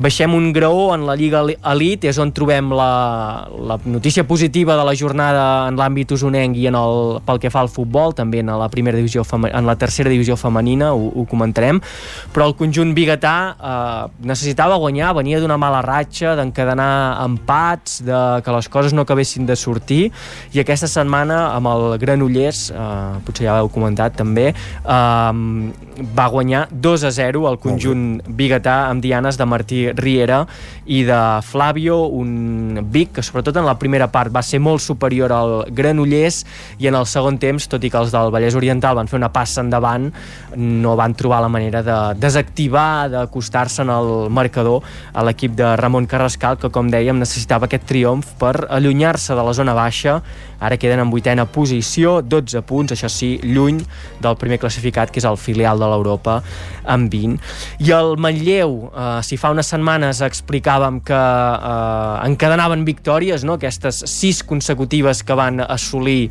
en l'inici del curs. Ara podem dir que s'han abonat a, a l'empat, un Manlleu que doncs, ja en suma 3 de consecutius. Aquesta setmana era al camp del Tossa, han passat un, una franja de la temporada en què han coincidit dos partits fora de casa, la setmana passada també empataven i aquesta setmana a la Selva empat a 0, no hi van haver gols en aquest eh, duel els homes de Manel Sala eh, doncs que van acabar empatant amb el conjunt de, de la selva marítima.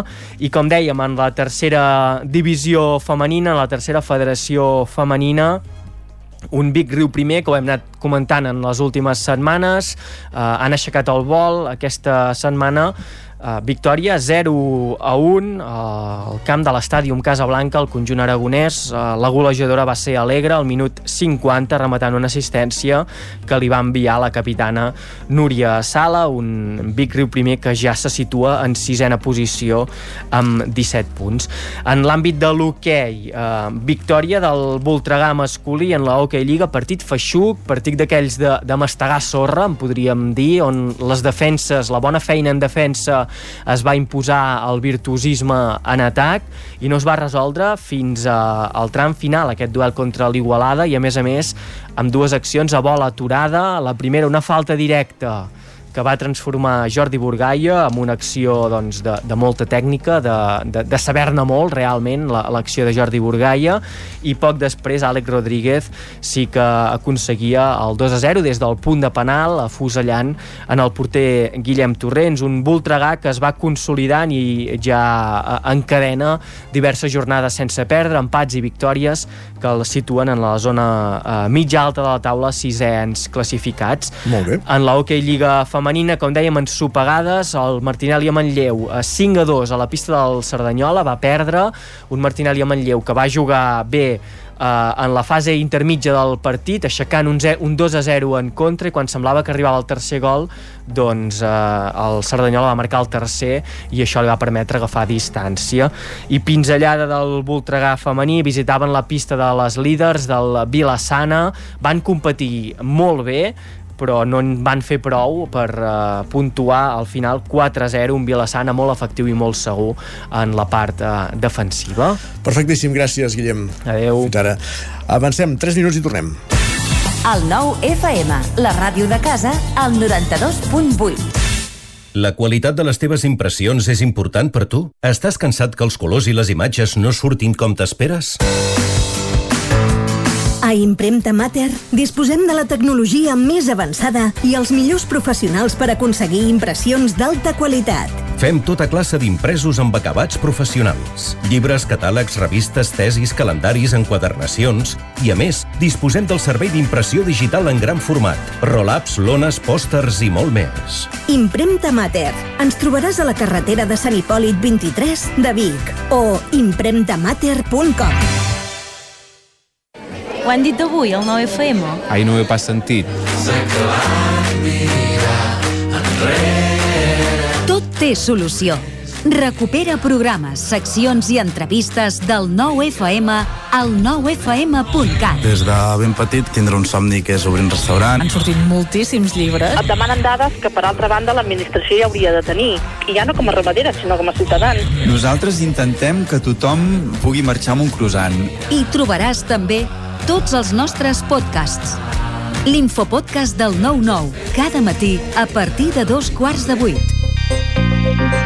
I comencem parlant d'un tema punyent. Persones que passen per moments de gran dolor. L'infopodcast del 9-9. La lupa d'Agustí Danés cada divendres. La lupa, Agustí Danés. Els aniversaris.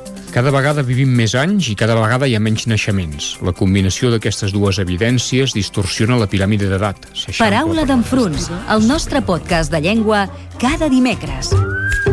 Quan escoltem ho fem voluntàriament i en canvi sentir, podem sentir moltes coses encara que nosaltres no vulguem. Bruixes del dia, el podcast de dones i bruixes de Laura Centelles i Maria Saladic. Estàs escoltant Bruixes del dia. La meva relació amb la mort és totalment diferent, perquè jo morts, diguéssim, físiques d'un cos, n'he vist, crec que una a la meva vida. Feeling the Cinc, l'actualitat de casa nostra en anglès. Hello and welcome to Filling the Sink, a podcast from Catalan News. My name is Lucia I també tots els relats finalistes del concurs de narrativa curta del 9-9. He despertat a mig de la foscor. Tinc la boca seca i els ulls El 9fm.cat, la ràdio en línia i els podcasts del 9FM. Cada dimarts a les 11 de la nit, al 9FM, repàs de l'actualitat esportiva a la banqueta. El 9FM, el 9FM, el 9FM. En punt, dos quarts d'onze, al territori 17.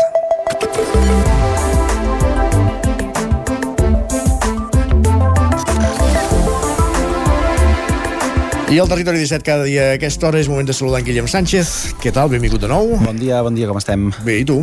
Doncs mira, amb una mica de son, però amb molta energia per afrontar aquesta setmana. Així m'agrada. Doncs, De fet- a- començar la setmana amb energia, aquest dilluns. De fet, ja venim d'un dissabte i d'un diumenge amb molta energia i molt solet i molta calor i molt Oi bon temps, no? Molt bé, molt bé. Oi que sí, no? L'estiuat de Sant Martí, diuen. Tot i això, hi ha companys de xarxes que no han fet net de cap manera. Ai, ai. Llegim a la Marta, que encara ho arrossega de la setmana passada, que ens diu un dia pilles un constipat i després estàs tres mesos arrossegant mocs i tos de persona tuberculosa.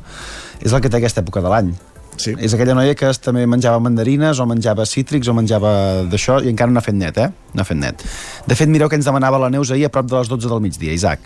Ens diu, confirmem que està tothom al solet fent el vermut? Confirmem. Confirmem, eh? eh que sí? L'Albert segur que ho estava perquè ens Sí, escrivia... presta, sí prestava, si més no. L'Albert, com dèiem, eh, segur que ho estava perquè ens escrivia això mateix per xarxes. Diu, 12 de novembre del 23, passant l'estiuet de Sant Martí fent el vermut a la terrassa sense samarreta, amb ulleres de sol i tirant la cadira enrere per agafar l'ombra a 20 graus. Bé, s'ha d'aprofitar, no? S'ha d'aprofitar.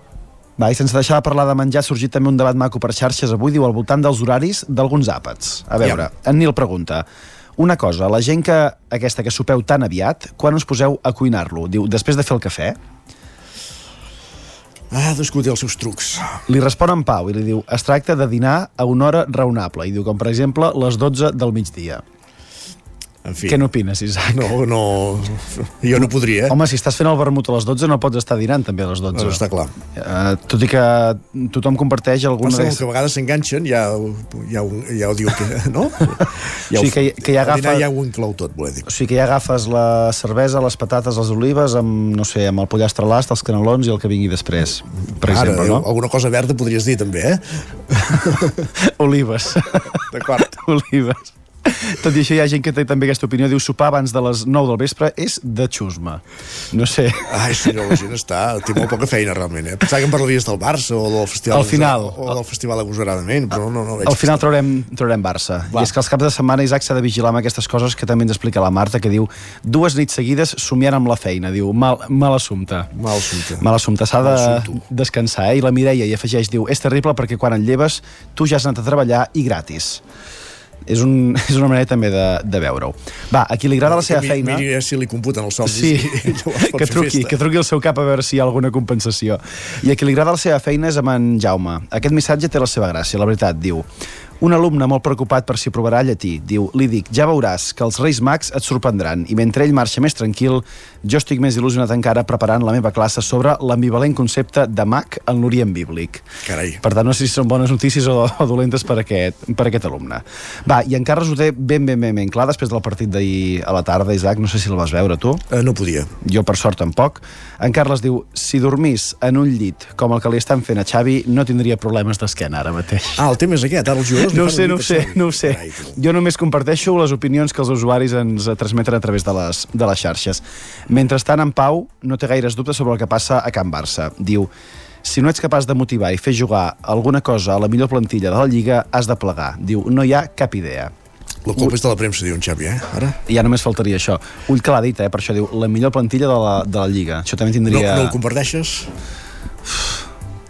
A nivell de noms potser sí, a nivell de el que donen sobre el camp segurament danys no.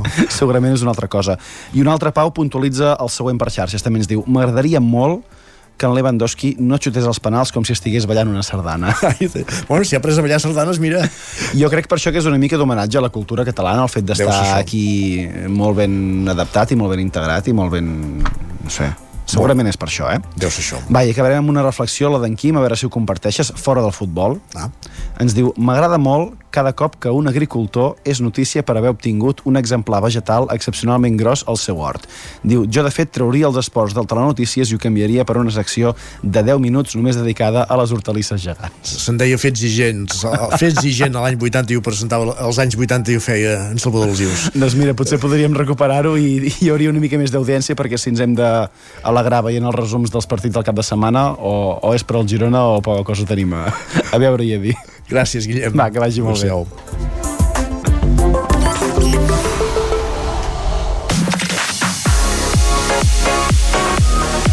Territori 17 5 minuts que passen de dos quarts d'onze del matí, temps de tertúlia de tertúlia esportiva perquè és dilluns i per tant moment de eh, parlar de futbol, de veure com ha anat la jornada del cap de setmana en què, com ara sentíem, el Barça va tornar a fer gala de, de poc futbol, però va acabar remuntant un partit que d'entrada se li presentava advers, eh, amb victòries de nou també del Girona, un empat de l'Espanyol, en fi, de tot plegat en parlem amb en Guillem Freixa, en Lluís de Planell, l'Isaac Muntades, benvinguts tots tres, bon dia. Bon dia. Hola, bon dia. Bon dia.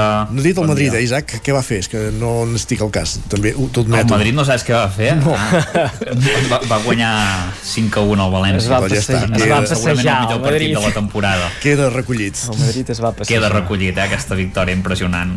Gràcies. Doblet de Vinícius, que estava motivat, eh? De totes maneres, ara sentíeu en Guillem Sánchez per Twitter que hi ha qui encara pensa que el Barça té la millor plantilla de la, de, de la Lliga. Ho compartiu o no? No, és evident que no, que la millor plantilla la té el Madrid. No és que això és que no n'hi ha cap mena de dubte. Per començar tenim una, un jugador que ha set pilota d'or a l'equip.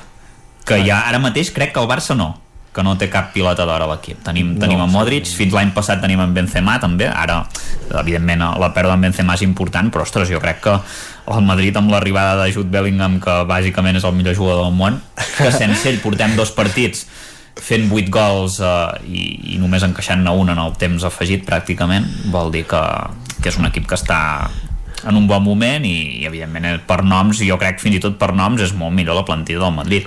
El Barça són eh, com ho diria, té alguns jugadors o velles glòries o promeses que no acaben d'esclatar no? Lewandowski, Joao Fèlix, bueno, jugadors d'aquest tipus, jugadors que es venen a retirar com Gundogan també, que, bueno, Bueno. Vull dir, no, jo penso que no, que té millor plantilla el Madrid. No, aviam, jo em trauré la bufanda i, i Jo, jo me l'he tret, eh? Sí, bufant, no? Sort. Sort. Com sempre. Hòstia. No, jo, jo uh, reconec que... Jo no parlaré eh, de qui té la millor plantilla o no té la millor plantilla. Jo reconec que com a equip té millor equip el, el, el Madrid i és una evidència que com a equip amb el sentit ampli de, de construir un equip, de jugar mm, com un equip, no? Uh, doncs el Madrid té feina més avançada, té un entrenador um, que jo crec que té una ascendència amb els jugadors ja molt més consolidada, té jugadors, això que deies, eh? Modric, uh, no sé, és que molts, molts jugadors que tenen ja una trajectòria, sí, Kroos, uh, que tenen una trajectòria Alba- en la Alba primera divisió Carvajal. espanyola i en el futbol uh, europeu. Té jugadors joves amb fam i amb qualitat, vull dir, és evident que uh, Vinícius Vini té un, una qualitat innegable i té fam, en Jude Bellingham també, en aquest sentit és que no, és, seria negar l'evidència dir que, que el Madrid no té un millor equip com a conjunt que, que el Barça ara mateix. I el Barça mm, té un projecte que veurem cap on acaba decantant-se. A mi aquest cap de setmana mm, m'ha espantat una mica tot plegat, perquè sí que és veritat que pots tenir pots fer mal joc, pots eh, que et costi tirar els partits endavant, però si no rema tothom a la una, si es comencen a veure fantasmes a fora de, del vestidor i de la premsa, ostres, uh, això sí que m'espanta i em, em preocupa fins i tot, no? Perquè és, és molt difícil que les coses vagin bé al terreny de joc si de portes endins no hi ha una unió molt, molt gran i no hi ha precisament aquesta fam i no hi ha aquesta, bueno, aquesta voluntat de, d'anar avançant. I jo crec que aquest cap de setmana es van veure això, es van veure deficiències a, a, a nivell futbolístic i es van veure deficiències a nivell de, de grup. Vull dir, també és una evidència, vull dir, és que no, dir que no hi van ser seria també negar, el que, el que es va De veure. totes maneres, és que jo no entenc qui és el que va dir que, que, que va dir què. O sigui que el, el Barça té millor plantilla que el, que... No, no, això, això, això ho hem recollit ara de les seccions de Sí, Twitter no. d'en Guillem Sánchez. Ve d'abans. Ah, ve- no, ve però vull dir que eh, si algú surt dient eh, el millor equip, doncs el millor equip eh, avui és el Girona, que és el que va primer. Això també és cert. I, i la, la millor plantilla avui és el Girona, que és el que va primer. Sí, sí. D'aquí un mes ja en parlarem quin, és, quin serà el millor equip i quina serà la millor plantilla. Però això és absurd. Mm. O sigui, eh, eh, les, les plantilles com les, com les valorem?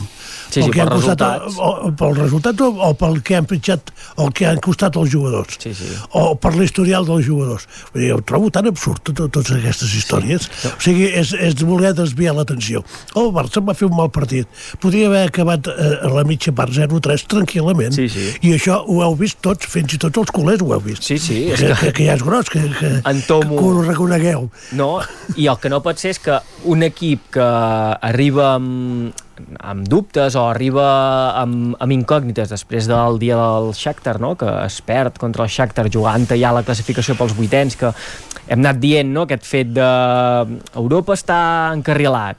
Sí, sí, està encarrilat, però era la primera oportunitat de tancar-ho i no es va aprofitar. I el que no pot ser és que vagis a jugar el següent partit a casa contra l'Alavés, que amb tots els respectes eh, és una plantilla de futbol professional i tot el que vulgueu, i que al minut, al segon 18, mm, traient de centre tu, et marquin un gol.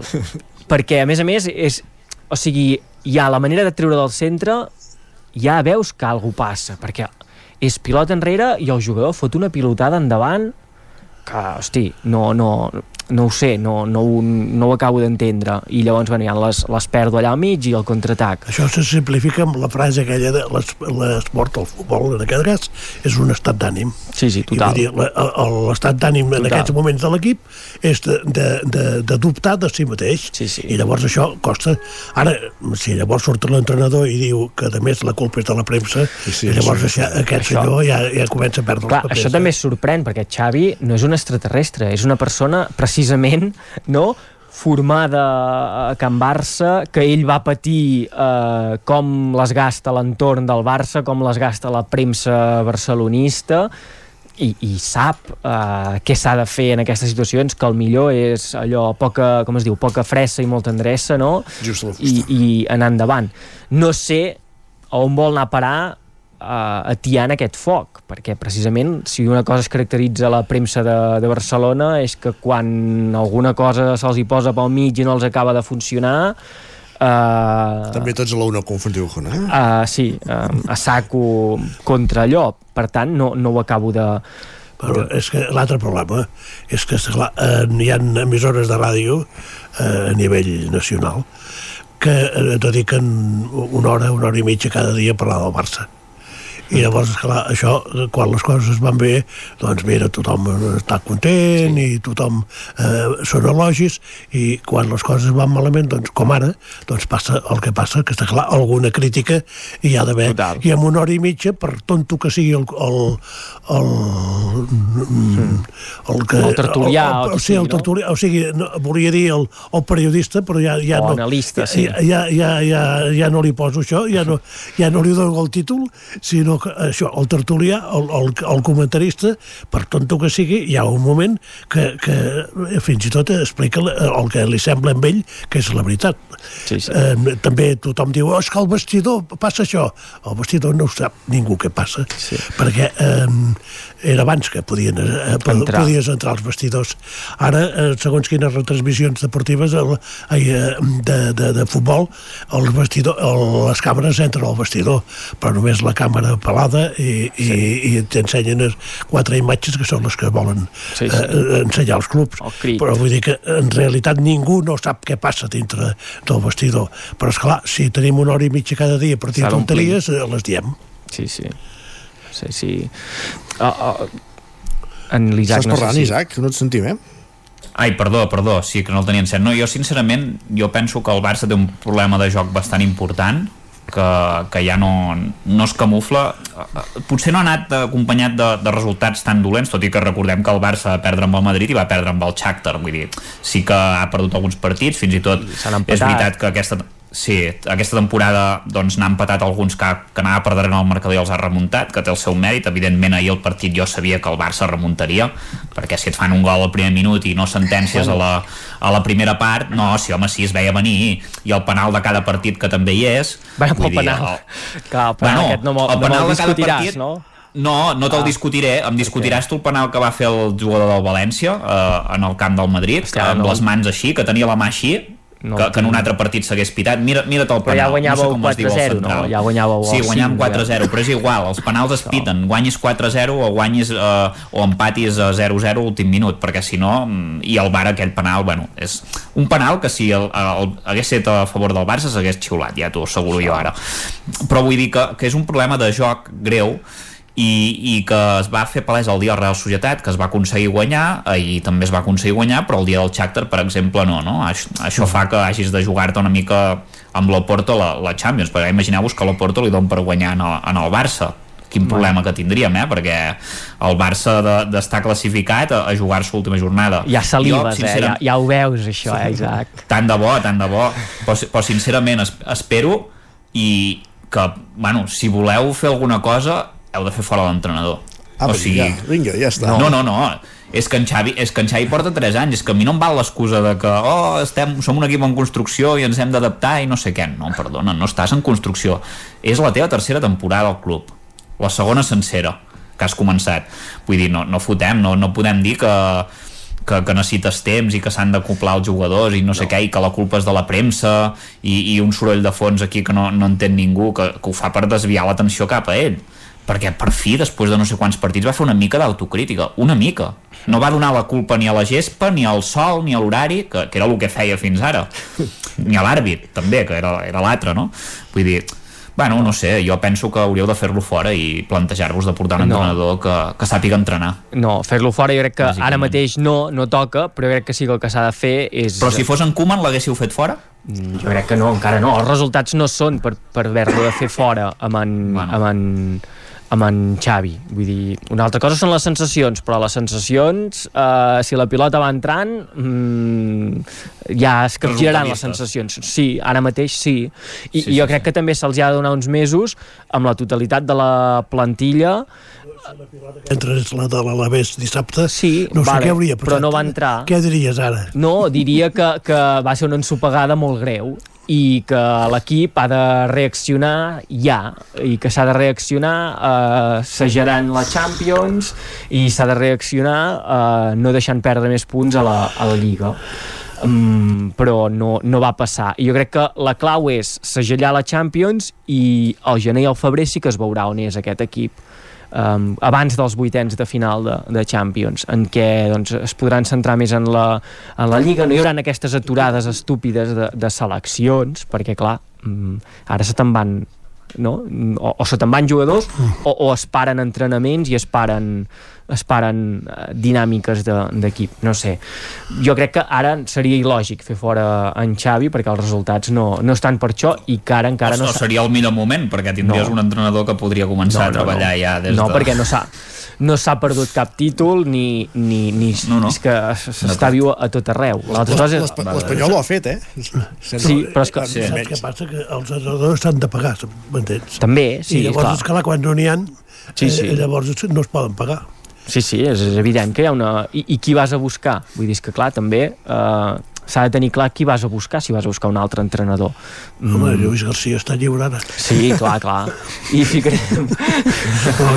No, no, és, un, és que no és un debat que no hi vull entrar, si s'ha de fer fora l'entrenador o no, perquè és, no, no, no, no estan en aquesta situació tan, tan crítica. I tu la sensació que eh, vaig recorrent, ja veieu, eh, a les fonts, també ho comentava en Guillem del, del Twitter, que li estan fent el llit a l'entrenador, la pots arribar a tenir o no?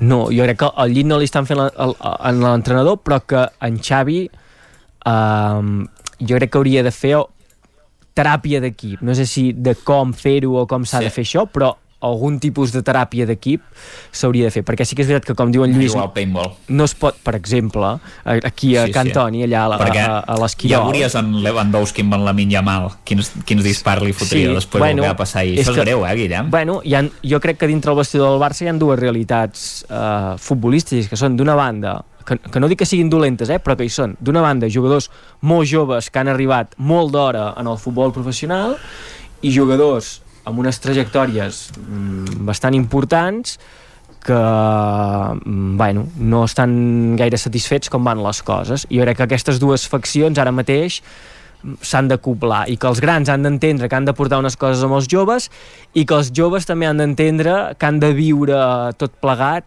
d'una manera concreta. Jo crec que quan Gundogan no, diu que el dia del Madrid va entrar al vestidor i va veure tothom amb el mòbil i el TikTok i no sé què, segurament anava per aquest eh, sector del vestidor.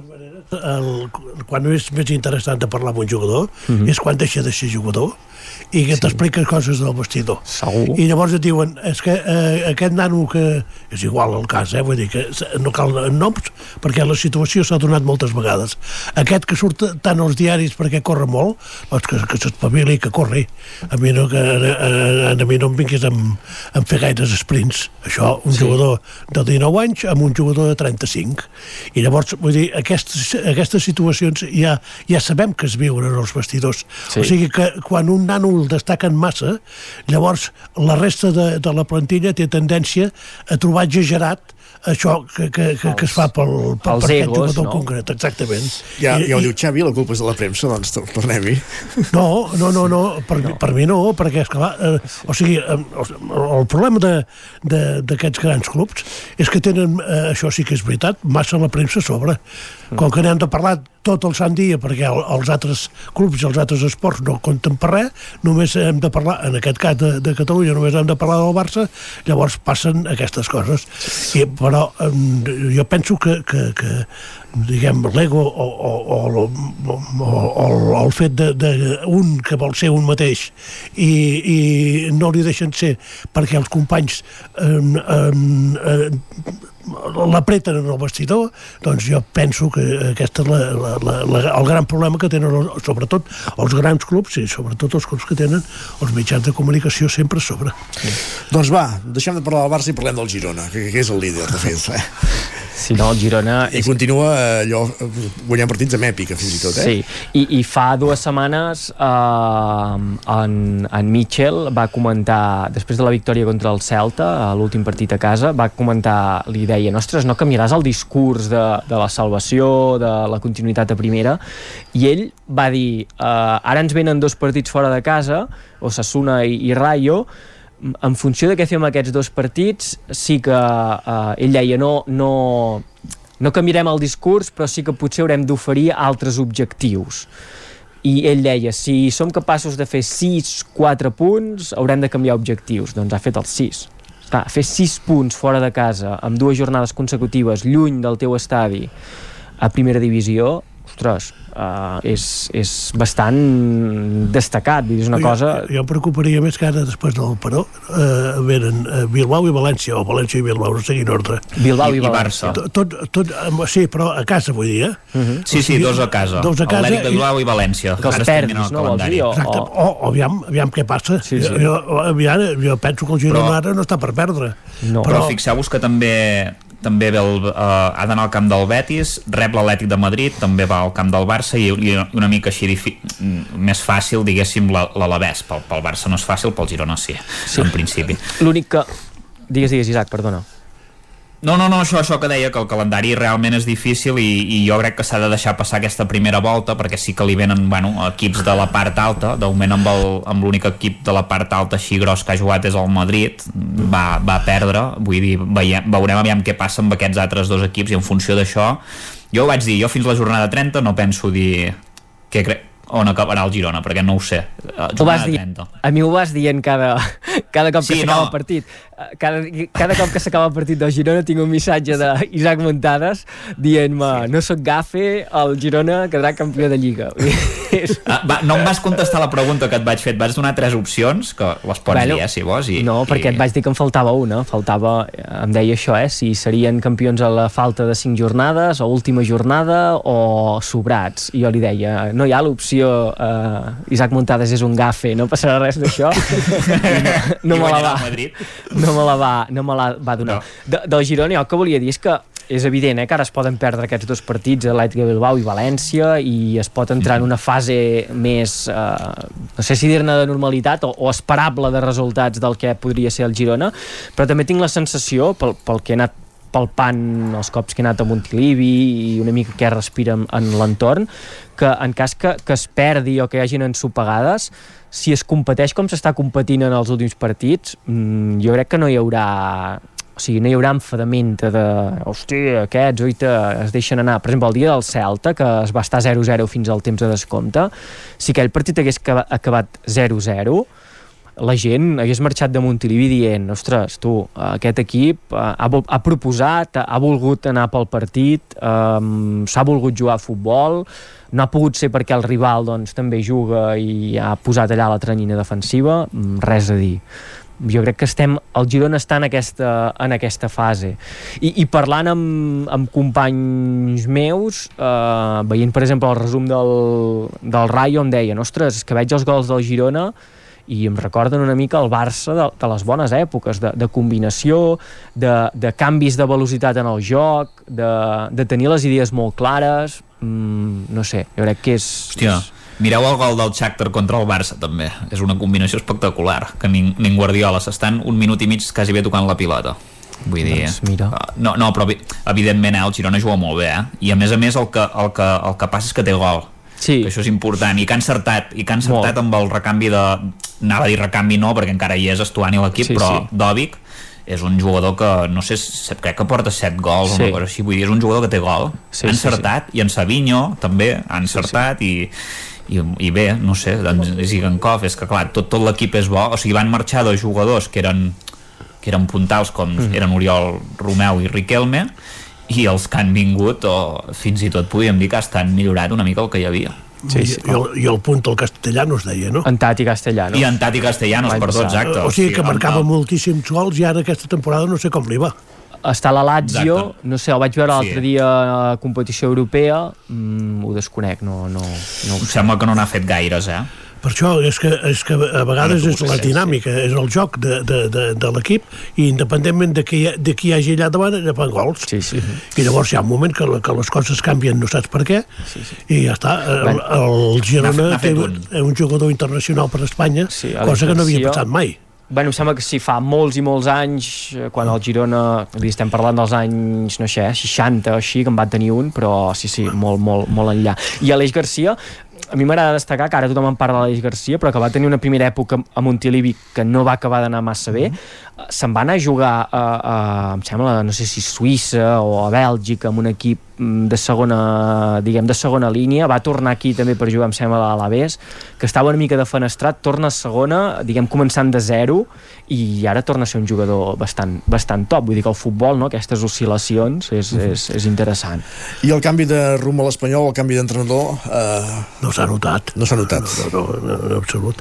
Eh, tampoc, tampoc podem pretendre que amb quatre entrenaments eh, canvies un, un equip el que jo no entenc tant l'entrenador, eh, millor dit, jo no entenc tant els jugadors com l'entrenador. O sigui, que, que vegis que per la teva actitud han fet fora un entrenador que sembla que, que, que era ben vista a la casa i que sens dubtes ben vista a, a, a, a, per als aficionats que un, un home d'aquest eh, historial en el club el facis fora per substituir-lo per un altre que no, té, eh, no ha tingut cap història amb, l'entitat, però que eh, sembla que és un canvi convenient, i llavors el jugador sortint a Osca amb, amb aquesta actitud i amb aquestes poques ganes de jugar a futbol.